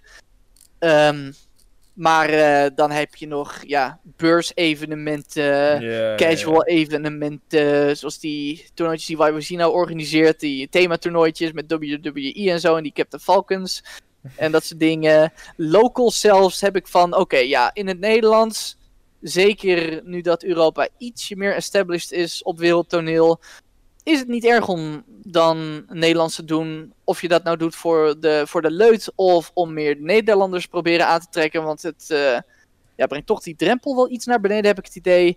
Ja, nee, dan kan ik ook best wel het nut inzien van de Nederlandse cast. En ik vind het ook gewoon leuk. Dus, uh... denk, je dat, denk je dat casters van nature ook makkelijker kunnen casten in hun moedertaal? Of denk je dat daar niet per se een voorkeur voor is? Ja, zeker. Sowieso. Sowieso. Ik, ik weet niet of ik dat kan. Um, puur omdat ik begonnen ben met Engels. En daar wil ik helemaal niet mee suggereren dat mijn Engels beter is dan mijn Nederlands. Totaal niet. Nee. En ik moet altijd een beetje lachen uh, als uh, Nederlanders denken. Zeker jonge Nederlanders denken dat hun Engels beter is of minder cringe is dan hun moedertaal. We cringe sowieso in dit land veel te veel om, uh, om, om, om, dingen als de Nederlandse taal en zo. Heel, te merken ook op universiteiten en zo. Allemaal Engels doen. Nou, het is om te janken. Uh, als je gewoon niet heel lekker Engels kan, dan moet je dat gewoon niet doen. Ja, ja. Uh, dat, dat is ook zo voor kasten. En daarmee wil ik geen mensen mee ontmoedigen om een Engelse kast gewoon te proberen als een eerste kast. Want dat wordt ook alleen maar vanzelf beter. Als je mm -hmm. naarmate je dat meer doet. Dus ga het vooral doen. Maar nee, ja. Um, ik denk wel dat iedereen die nu begint met casten, die gewoon Nederlands als moedertaal heeft, beter cast in het Nederlands. Bij mezelf, zoals ik al zei, is dat misschien niet helemaal zeker zo, maar dat komt puur omdat mijn, eh, als ik aan het casten ben, ja, dan zit je in een bepaalde castmodus. En de onderbewuste gedeelte van je vocabulaire dat aangesproken wordt, dat, dat, zal, eh, dat zit daar toch een soort van hard aan gekoppeld inmiddels. Mhm. Dat ik de hele tijd Engelse smashtermen wil gooien. Waarvan ik denk van een echte goede Nederlandse cast, die gaat er ook vervangers voor zoeken. En dan bedoel ik niet dat je elk jargon moet wisselen. Zoals, ja, we gaan echt elke ver voorwaartse luchtaanval noemen. eh, of elke downsmash neerwaartse ramaanval of iets dergelijks. Nee, dat hoeven we niet te doen. Een beetje jargon, dat mag. Maar er zijn ook heel veel moves, heel veel momenten. Waarbij je gewoon best een leuke Nederlandse constructie kan bedenken. Die, naar mijn mening, een Nederlandse kast dan echt in kwaliteit doen stijgen. Ehm, daar, heb ik, daar heb ik twee vragen over, als ik je even mag onderbreken. Want ten nou, eerste... uiteraard. eh, ik, ik zit al een beetje in custom mode, merk je vast wel. Maar Ja, ik, merk, ik merk ja. een klein beetje, maar ten eerste, ehm, jij hebt toen samen met Philip, Zan G, heb jij toen eh, gezeten voor de, ehm, de European Smash Cup finale als Nederlandse casters. Ehm, eh, oh, ja, dat was, ja, dat was hartstikke leuk. Oh, wat- ja, wil je daar wat over vertellen? Want dat is ook echt, dat was wel echt, alles moest in het Nederlands, eigenlijk ook zo min mogelijk jargon. En je had ook echt een Nederlandse audience. Ja, heerlijk. Ja, ik kreeg eh, tijdens de eerste paar sets even een, een bumpje van Philip. Van hé, hey, je, je moet niet het, eh, eh, kill, het woord killed of het woord. eh, dat is moeilijk, want in het Nederlands, zeg maar, wij hebben zoveel leenwoorden in het dagelijks taalgebruik Ja. inmiddels. Dat ja, eh, kijk, ook als je niet aan het casten bent, ook als je nooit gecast hebt, dan zeg je hé, hey, dat killed. Ja, Ja, Dus, eh, precies. Als je een Nederlandse kast aan het eh, maken bent, gaan die woorden er niet per se uit. Sterker nog, soms wordt het juist lastiger om die woorden eruit te halen, omdat je juist meer ehm, eh, onderbewuste aanspraak op je moedertaal probeert te maken. Of in ieder geval je dagelijkse taalgebruik. Dat waarschijnlijk ehm, dekt de lading beter. Eh, dus ik kreeg even seintjes zo van na de eerste proces van hey, je moet niet het woord killed of, of doodmaken gebruiken. Do- Doodmaken zei ik ook niet echt, want dat is niet iets wat je echt eh, in het dagelijks taalgebruik zegt. Oh, dat maakt snap. het dood. Niemand zegt dat. Dus ik zei, Nee, nee, oh, ik dat snap je. Ehm, dus daar kreeg ik even een seintje van. Dat is wel echt even. Oh ja, oh, we zijn hier echt bij een Nintendo-evenement bezig. eh, en het, het is. Je moet je eh, er eigenlijk nog een filterlaag bovenop zetten. Naast je standaard. Ik ben Nederlands aan het kasten. Dus pas even op dat je niet onderbewust ho- 100% Engels jargon er doorheen aan het jagen bent. Dus, maar ja, het, het- het- de sfeer, grootsheid. eh, het was ontzettend leuk. Het is Ja. ontzettend leuk. Dat is gewoon. Dat, is, dat dekt de lading het beste. Want het was ook. eh, het was een hele unieke mix van casual en competitief. Want je, er viel ook echt wat te winnen. Dus het Ja. was niet even zondagmiddag even met Nintendo met de gekke regels eh crewbattletje doen. Die hype was er wel. Dan heb je dat landeneffect, dat Duitsland en Spanje en weet ik veel wat. Iedereen komt echt als land tegen elkaar. Dus dat geeft dat extra sportarena vibeje eraan. Ja, Iedereen is ook gekleed. Eh, dus, eh, de, sfeer was echt fantastisch. Dat koorddansen tussen die competitieve spanning vanwege wat er op het spel stond en omdat het echt land tegen land was, eh, gemixt met dat het echt even wat anders was en we toch eigenlijk met iets casuals geks bezig waren, Klopt. zorgde voor een hele unieke sfeer. En ik ben ook, ik ben ook gecompenseerd. Ja, dat wil ik het bijna niet noemen, want ik moet het waarschijnlijk niet zeggen. ten behoeve van de casters eh, hier. Maar gratis had ik het waarschijnlijk ook gewoon gedaan. Want het was gewoon hartstikke leuk. Maar nee, Ja. ik, eh, ja, eh, ik heb flink bedankje gehad van Nintendo zelf. Ik ben nog getrakteerd voor het avondeten met Nintendo crew en met Philip. En met volgens mij ook Team Nederland. Ik weet nog dat Sam er was. Hartstikke Mhm. leuk staat in dat, in dat Chinese restaurant. of Japans was het, sushi, sushi ding was het. En ehm, eh, Sam die is volgens mij een beetje kieskeurig eter. Dus ik zag hem daar een beetje struggelen met die kaart. En ik, ik, ik ken dat zo erg. Want ik was vroeger en nog steeds eigenlijk exact hetzelfde. Dus ik dacht, Sam, oh ja, die, die vind je wel lekker, weet je. Want meestal eh, is dat dingen zoals eh, ja, Peking eend. eh, ja, ja, de simpelste. ja, dus dat was zo gezellig. Ehm, ja, ik heb eh, niks dan leuke herinneringen dan overgehouden. Ik ben echt, eh, ja, nee, ja. Nice. Ik kijk daar met veel dankbaarheid op terug. Zeker Ja. omdat eh, ik niet weet eh, met alle drama met Nintendo en de Smash scene. Ehm, en natuurlijk met corona en de klap die dat aan de eh, bekendheid van de Smash scene heeft uitgedeeld. En we Mhm. komen steeds verder weg. van dat de Switch een hot item is en Ultimate. Weet ik niet of ehm, dat nog gaat, zoiets nog gaat komen in een tijd waarin ik een go-to caster ben voor dat soort organisaties om mee te gaan werken. Want iedereen zegt meteen ja. Als ze eerst aan jou of Dagobert vragen om dat te doen, jullie zeggen allebei garandeer meteen ja, Ja. denk ik. Dat is gewoon Ja, hartstikke leuk. Er is ook veel meer competitie gekomen in Nederland. En dan heb je natuurlijk Ramses.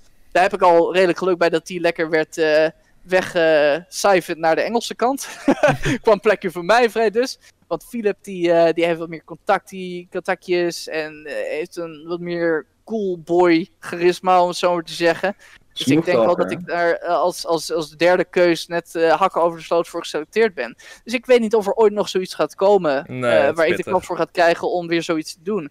Dus ik, ben, ik kijk er echt wel met dankbaarheid op terug. Dat ik, eh, dat, ik dat nog heb eh, mogen meemaken op die manier. Nou, Ja, het was, het, was, het was ook gewoon oprecht een heel tof event. En Dagobert, wat wil jij zeggen? Nou, ik wilde eigenlijk een beetje doorhameren op, op zeg maar, want je hebt, we hebben het nu heel veel gehad over eh, dat casten met Philip, dat dat echt heel leuk is altijd. Maar eh Philip is een beetje buiten de scene gevallen de laatste tijd. Zijn er ook Ja. mensen binnen de scene waarvoor je zegt van, nou, deze mensen, daar zie je, die zijn echt super chill mee te casten tegenwoordig. Dagobert, die zit gewoon complimentjes te vissen hoor. Ja, Nee, nee, nee, hey, hey, dit, was mijn vraag niet eens, man. dit was Wouters vraag. Oh, ja, dat was Wouters vraag. Oké, nou dat is ja. mijn tweede vraag. Ja, dat klopt. Dagobert, ik, eh, het is eh, wel altijd een ontzettend genoeg om met jou te casten in beide talen. Nederlands heeft wel echt iets speciaals, eh, moet ik wel zeggen. Maar ook in het Engels, eh, ja, echt een van mijn favoriete caster. Wouter, jij ook natuurlijk. Ehm, maar ik wij hebben, geen- zo, wij hebben niet zo heel veel gekast samen, hè? Dat is echt heel Nee. grappig. Ik denk dat je Nee. het op één hand kan tellen. Maar jij cast zo ontzettend veel. En ik heb zoveel van jouw kasten gezien inmiddels. Ja, eh, dat zonder dat ik überhaupt actief VODs aan het reviewen ben. Dat ik eh, je redelijk makkelijk kan aanvoelen. Ja. Ehm, ik voel me het meest op mijn gemak, denk ik, als ik eh, met jullie twee cast. Als het aankomt op mensen binnen de scene. Mhm. Ehm, als ik kijk naar buiten de scene of mensen van vroeger. Eh, dan sowieso Philip natuurlijk. Mhm. Eh, ja, daar heb ik zoveel mee gekast, zoveel counterpickjes gedaan. Heb Ja, ja, veel ja, goede herinneringen aan. Wij voelen elkaar gewoon heel goed aan. Eh Soreru vond ik leuk om mee te kasten. Uiteindelijk nooit heel lang gedaan. ehm, omdat hij eh, toch wel tegen het eind van Smash 4 eh, ja, toch heeft gefocust op andere dingen. Sindsdien niet meer echt gezien. Eén of twee keer hier en daar. Maar ja, dat, dat zou ik wel bestempelen als echt iets van vroeger, helaas. Hetzelfde met eh, Bruce, Dumbfire Ja, in de man. tijd. Ja. Ook leuk, ook leuk. Minder ingewerkt, minder ingespeeld op elkaar. Maar ik vind, het, ik vind Bruce gewoon een heel uniek, eigenaardig eh, persoon. Ja, dat, dat Eh, kan je wel trouwens- omschrijven. Trouwens, de laatste persoon die ik voor de zelfquarantaine eh, buiten werk en mijn gezin gezien heb. Ironisch genoeg. Ja, ja, ja. Maar ehm, eh, ja, nee, dat zijn leuke mensen. Op dit moment binnen de scene, dus jullie twee. En eh, voor echt het hogere niveau kan ik niemand anders zeggen dan Ramses. Mhm. Want ik denk dat dat echt een groot probleem is met het casterbestel van Nederland. En dat is een probleem wat ik zelf helemaal niet ga oplossen. Nee. Is dat, is dat eh, casters op eh, semi-hoog niveau eh, moeten wel een soort van echte diepgaande gamekennis hebben. Ja. En ik weet heel veel losse klote feitjes van characters. Echt heel veel. Ik kan een redelijke inschatting maken van eh, hoe een matchup gaat en hoe dat voelt voor de spelers. Ik kan moeilijk, als die spelers eenmaal heel erg bezig zijn, echt diepergaande eh onderwater mentale games eh, eruit vissen. Die echt spelerspecifiek op elkaar hebben. Ja. Ik kan moeilijk patronen eruit vissen die alleen topspelers van elkaar herkennen. En die alleen topspelers ehm, ook dus eh, op elkaar gaan afstemmen en veranderen. En waar je wat in een diepgaandere analyse dus heel interessant kan zijn. Ik kan op zijn hoogst bepaalde patronen in opties die mensen kiezen herkennen. En wat ik dan het liefst doe, omdat ik zelf niet het 100% vertrouwen heb dat ik daar iets zinnigs over ga zeggen, ehm, eh, ga ik dat vermelden. En wat ik doe graag meer een beetje play-and-play. En als het dan weer gebeurt, dan attendeer ik de kijker erop van... hé, hey, daar is hij weer. Ehm, maar als ik dus iemand naast me heb zoals Ramses... die echt op dieper niveau het spel beter begrijpt...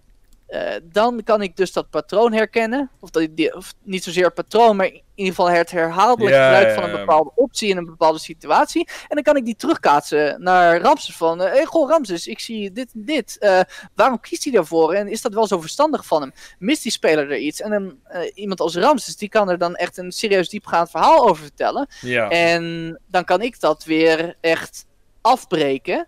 Op het moment dat er weer echt een specifieke hype play gebeurt. Iets waar ik even eh, het momentum van het uitleggen weer wil afwisselen met eh, het, de, momentum van de kijker op de acties binnen het spel wil focussen.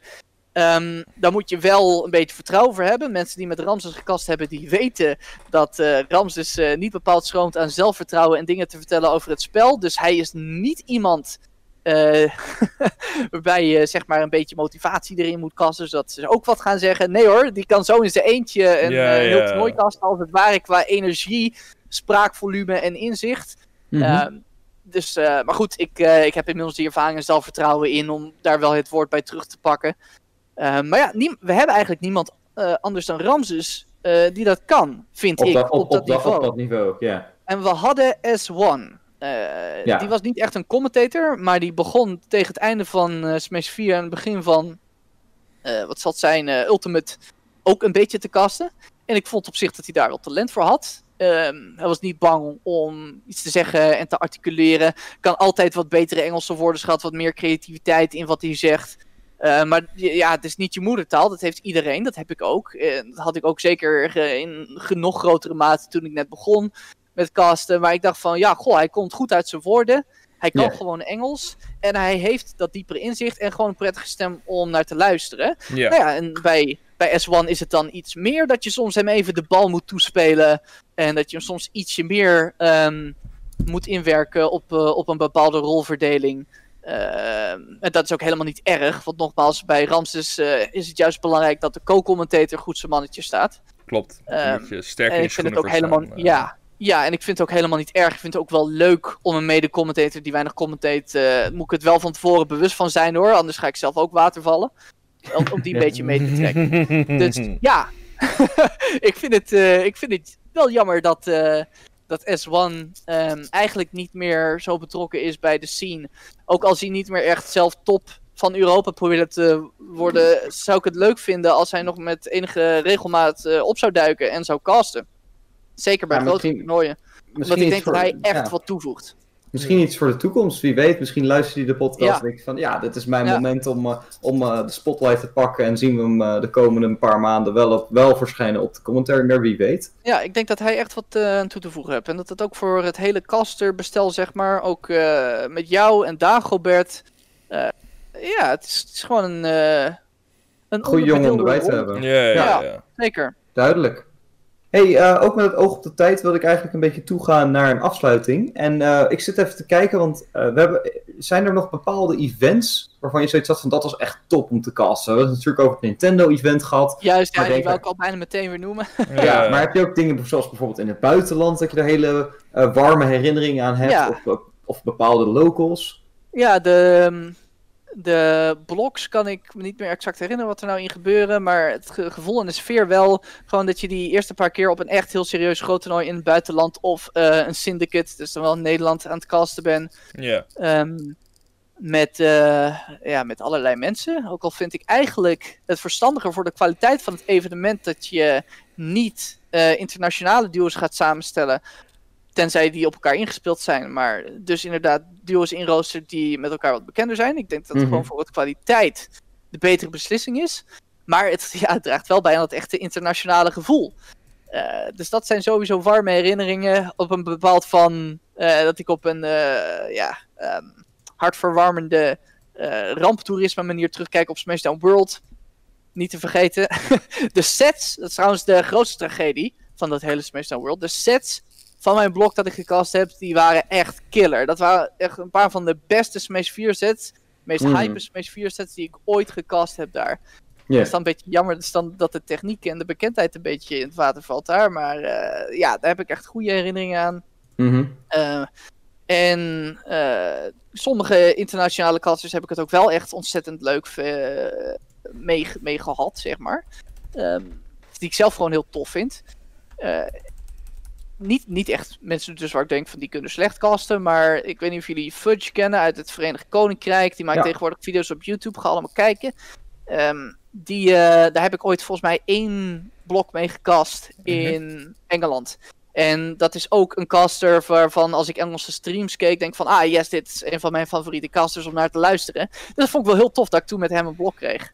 En het is een beetje jammer dat hij eh, niet zo fan is van Ultimate. Maar ja, dat is ook Hmm. typisch zo iemand waarvan ik denk van ja, die zou wel echt weer wat toevoegen aan het casterbestel van eh, Europa. En bij hem eh, is dat dus meer in het kader van ervaring, presentatie, fijne stem om naar te luisteren. Ehm, en Ja. zoals ik eerder zei, bij S1 is het gewoon puur een stukje analytische ervaring die bij Nederland gewoon mist. Ja, duidelijk. En eh, ik moet van Chuck nog doorgeven dat hij eh, war- wel warme herinneringen heeft bij het gedeelde bed van Tech Republic. Moet, Oh, ik moet- ook, moet- hoor. Moet ik daar iets, is daar, nog iets van een verhaal achter? Ja, ik heb, ik heb ik, heerlijk geslapen. Heerlijk geslapen. Chuck wat minder.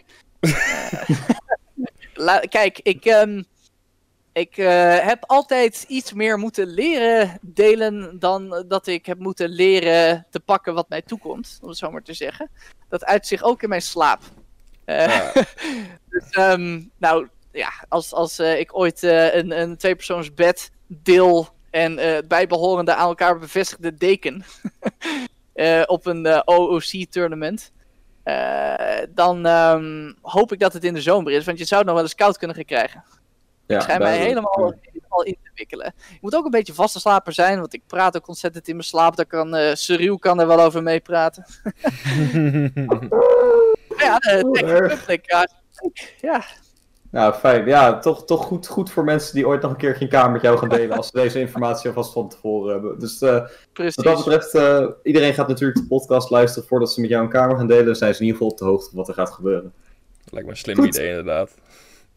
Goed, ja, ze komen een beetje aan het einde. En eh, dit is altijd het moment waarop ik eh, aan, eh, aan mijn gasten dingen vraag om mee te geven aan de, aan de luisteraars. Dus stel je voor, er zitten nou echt van die mensen te luisteren die denken van, oh, dat casten, dat lijkt me echt wel heel vet om te doen.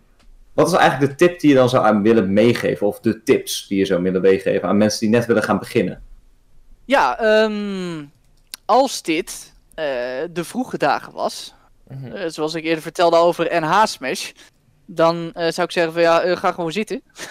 Ja, ga het gewoon doen. Maar tegenwoordig, ehm, misschien niet overal, maar tegenwoordig zitten we wel in een situatie waar we eh, genoeg enthousiastelingen hebben dat er eigenlijk altijd eh, wel iemand zit van nature. Ehm, desondanks, zeker als het gaat om locals met een niet bepaald streamschedule, ga gewoon van tevoren even in de Discord kruipen van het TO en zeg van, hey, zou ik misschien, eh, eh, ik zit in pool A, zou ik eh, misschien aan het begin pool B even mogen casten? Dat wil ik wel eens proberen. Moet je gewoon van tevoren regelen. En dan moet je ook gewoon pakken wat je toekomt. Veel te veel mensen, en nogmaals, ik zit zelf een beetje andersom in elkaar, eh, tenzij ik wat tegenstand krijg, maar ehm, die, die aarzelen echt heel erg met gewoon te pakken wat zij toekomt. Of zichzelf naar voren te duwen bij zaken waar ze minstens net zoveel recht op hebben. Eh, dus regel dat met je TO van tevoren. En eh, als je dat geregeld hebt, ga het dan gewoon doen. Ook als iemand eh, anders denkt van, oh, lege, lege stoel, ik ga er zitten. Nee, als je dat gewoon geregeld hebt, moet jij dat gewoon gaan doen. Dus dat zou ik mee willen geven aan iedereen die daar interesse in heeft. Ehm, en als het aankomt op grotere toernooien, ja, eh, dan moet je gewoon helaas vrij lang accepteren dat er tegenwoordig wat meer kasters zijn dan vroeger. En dat je misschien niet een plekje kan krijgen. Zeker bij grote internationale, waar ze ook heel veel internationale kasters krijgen die, ehm, eh, die geplaatst moeten worden. Nou ja, eh, jij bent eigenlijk het schoolvoorbeeld, Wouter. Jij bent vrij vaak gepasseerd. Ondanks dat je vanaf dag 1 echt hardcore die mic hebt opgezocht. En je best Mhm. wel geprofileerd hebt in beide talen. Ben je gewoon vaak gepasseerd. Waarvan ik denk van ja, als ze puur op kwaliteit gingen. Ook bij internationale toernooien. Dan had je misschien wat minder kasters uit dat land. Zonder namen te noemen. En eh had je Wouter erbij ja, gehad. Ja, ja. Oh, ik voel... Ja. ja maar goed. Dat ja, weet je, niet dat, om dat cool te gebeurt. doen. Maar ja, dat is, dat is de realiteit. Eh, Precies, en ja, kijk, je zegt, je, zegt, je zegt het eigenlijk zelf ook al van als je de kans krijgt, moet je die kans grijpen. En soms duurt het gewoon even dat je die kans krijgt. En die kans heb ik wel gekregen uiteindelijk. Uiteindelijk heb jij die gekregen en, eh, en terecht. Dus ja, vroeg of laat gebeurt het wel. Ehm, ik weet niet of dat ook zo is voor Dras de Leon inmiddels. Dat is een Spaanse kasser. Dat, Ja. Hetzelfde verhaal. Komt uit Spanje, niet heel erg bekeken zien. Niet een profiel van de voorgaande game heel erg. Die heeft veel de bike opgezocht. Is best wel een, een redelijke caster. Ehm, en die is gewoon vaak gepasseerd voor mensen waar ik denk van, nou ja, kijk, ik zou ook niet per se bij de topcasters uh, in uh, schade die je niet per se niet mag missen. Nee, maar gewoon een caster die eigenlijk gewoon bij elke internationale wel een slot uh, voor singles zou moeten kunnen krijgen. En die is ook gewoon vrij vaak gepasseerd. Ik snap Ik denk van, nou ja, het is niet helemaal terecht. Dus inderdaad, ja, de, de grote epische toernooien, die gaan die misschien onredelijk lang op zich laten wachten. En als je, als je daar sneller wil komen, dan zul je gewoon heel veel locals moeten doen. Dan moet je dat profiel opbouwen. En zeker in het begin um, moet je daarvoor gewoon TO's aanschieten van... hey, ik wil een keer Ja. kasten. En jullie hebben niet per se een hard stream schedule. Of als ze dat wel hebben, gewoon een Google Doc invullen. Gewoon kijken waar je terecht komt. En gewoon zitten. eh, het is inderdaad een nummer één ding om te doen, is gewoon de Oh, ja. vraag stellen. Gewoon de vraag stellen. Ja, nummer 1 beginnersfout trouwens. Ehm, oh oh. Oh, Zeker, zeker als het gaat om spelers die zelf niet elke keer top 16 halen. Eh, bijna iedereen, merk ik, die probeert bij zijn eerste paar cast eh, analyse te zijn. Ja, Gewoon doe maar niet. Omdat, ze, ja, omdat het natuurlijk eh, in je hoofd denk jij zo na over het spel. eh, ondanks dat het misschien niet zoveel hout snijdt. En dat is ook logisch. Eh, maar doe dat nou niet eh, op je eerste cast. Probeer gewoon eerst die basics play-by-play te gaan. Analyse is veel makkelijker toe te voegen als je een play-by-play basis hebt, vind ik. Eh, dat er eh, steeds meer in te mixen dan andersom. Ehm, en ja, kans is redelijk dat als je niet een top 16 speler bent, dat je qua analyse ook niet heel veel toe te voegen hebt nee. buiten het herkennen van patronen. En het opnoemen van herkennen van patronen is altijd prima, doe ik zelf ook. Ehm, en natuurlijk met de uitzondering daar gelaten die eh, eerst hoogplaatsende speler zijn met veel kennis van het spel, zoals eh, S1, en die daarna pas gaan casten. Eh, doe dan vooral heel veel analysis, want dat hebben we nodig in Nederland. Alright. Nou, duidelijk. Lijkt me hele duidelijke tips. Nou, dan tot slot. ehm, ja, eh, waar, moet, waar kunnen mensen meer over jou te weten komen als ze nog meer informatie willen hebben? Waar kunnen ze up-to-date blijven? Show jezelf eens even. Vertel wat. vertel Gijsbeer wat, eh, Smash. Het Gijsbeer Smash. Het spel je precies zoals je het hoort. Eh, voor de Nederlanders. Ik ga ervan uit dat alleen Nederlandstaligen kijken, want we lullen al eh, heel lang in het Nederlands. Ehm, dus ik, ik, ik ga me niet schuldig maken aan eh, eh, de verschillende manieren waarop de buitenlanders mijn tag hebben uitgesproken. Ehm, maar ja, eh, wees erbij bewust dat ik een beetje een zeikerd ben en, als het aankomt op Smash. En dat ik mij niet inhoud op Twitter. Dus eh, waarschijnlijk heel veel gezeik over wifi-toernooien en eh, dingen die allemaal niet lukken. Je bent gewoon goud eerlijk. Hoppa. Nou, dat zeker, ja. Ja, ja kijk, ik vind dat ook wel... Ik ja, heb vaak van die mensen, hè. En die zeggen zo van... eh, oh ja, ik zeg gewoon wat ik denk. Ik ben eh, eerlijk. eh, en die doen dat voorkomen alsof dat een deugde is. En dat is het tot op een bepaald punt ook wel. maar aan publiek. En eh, zeker in real life...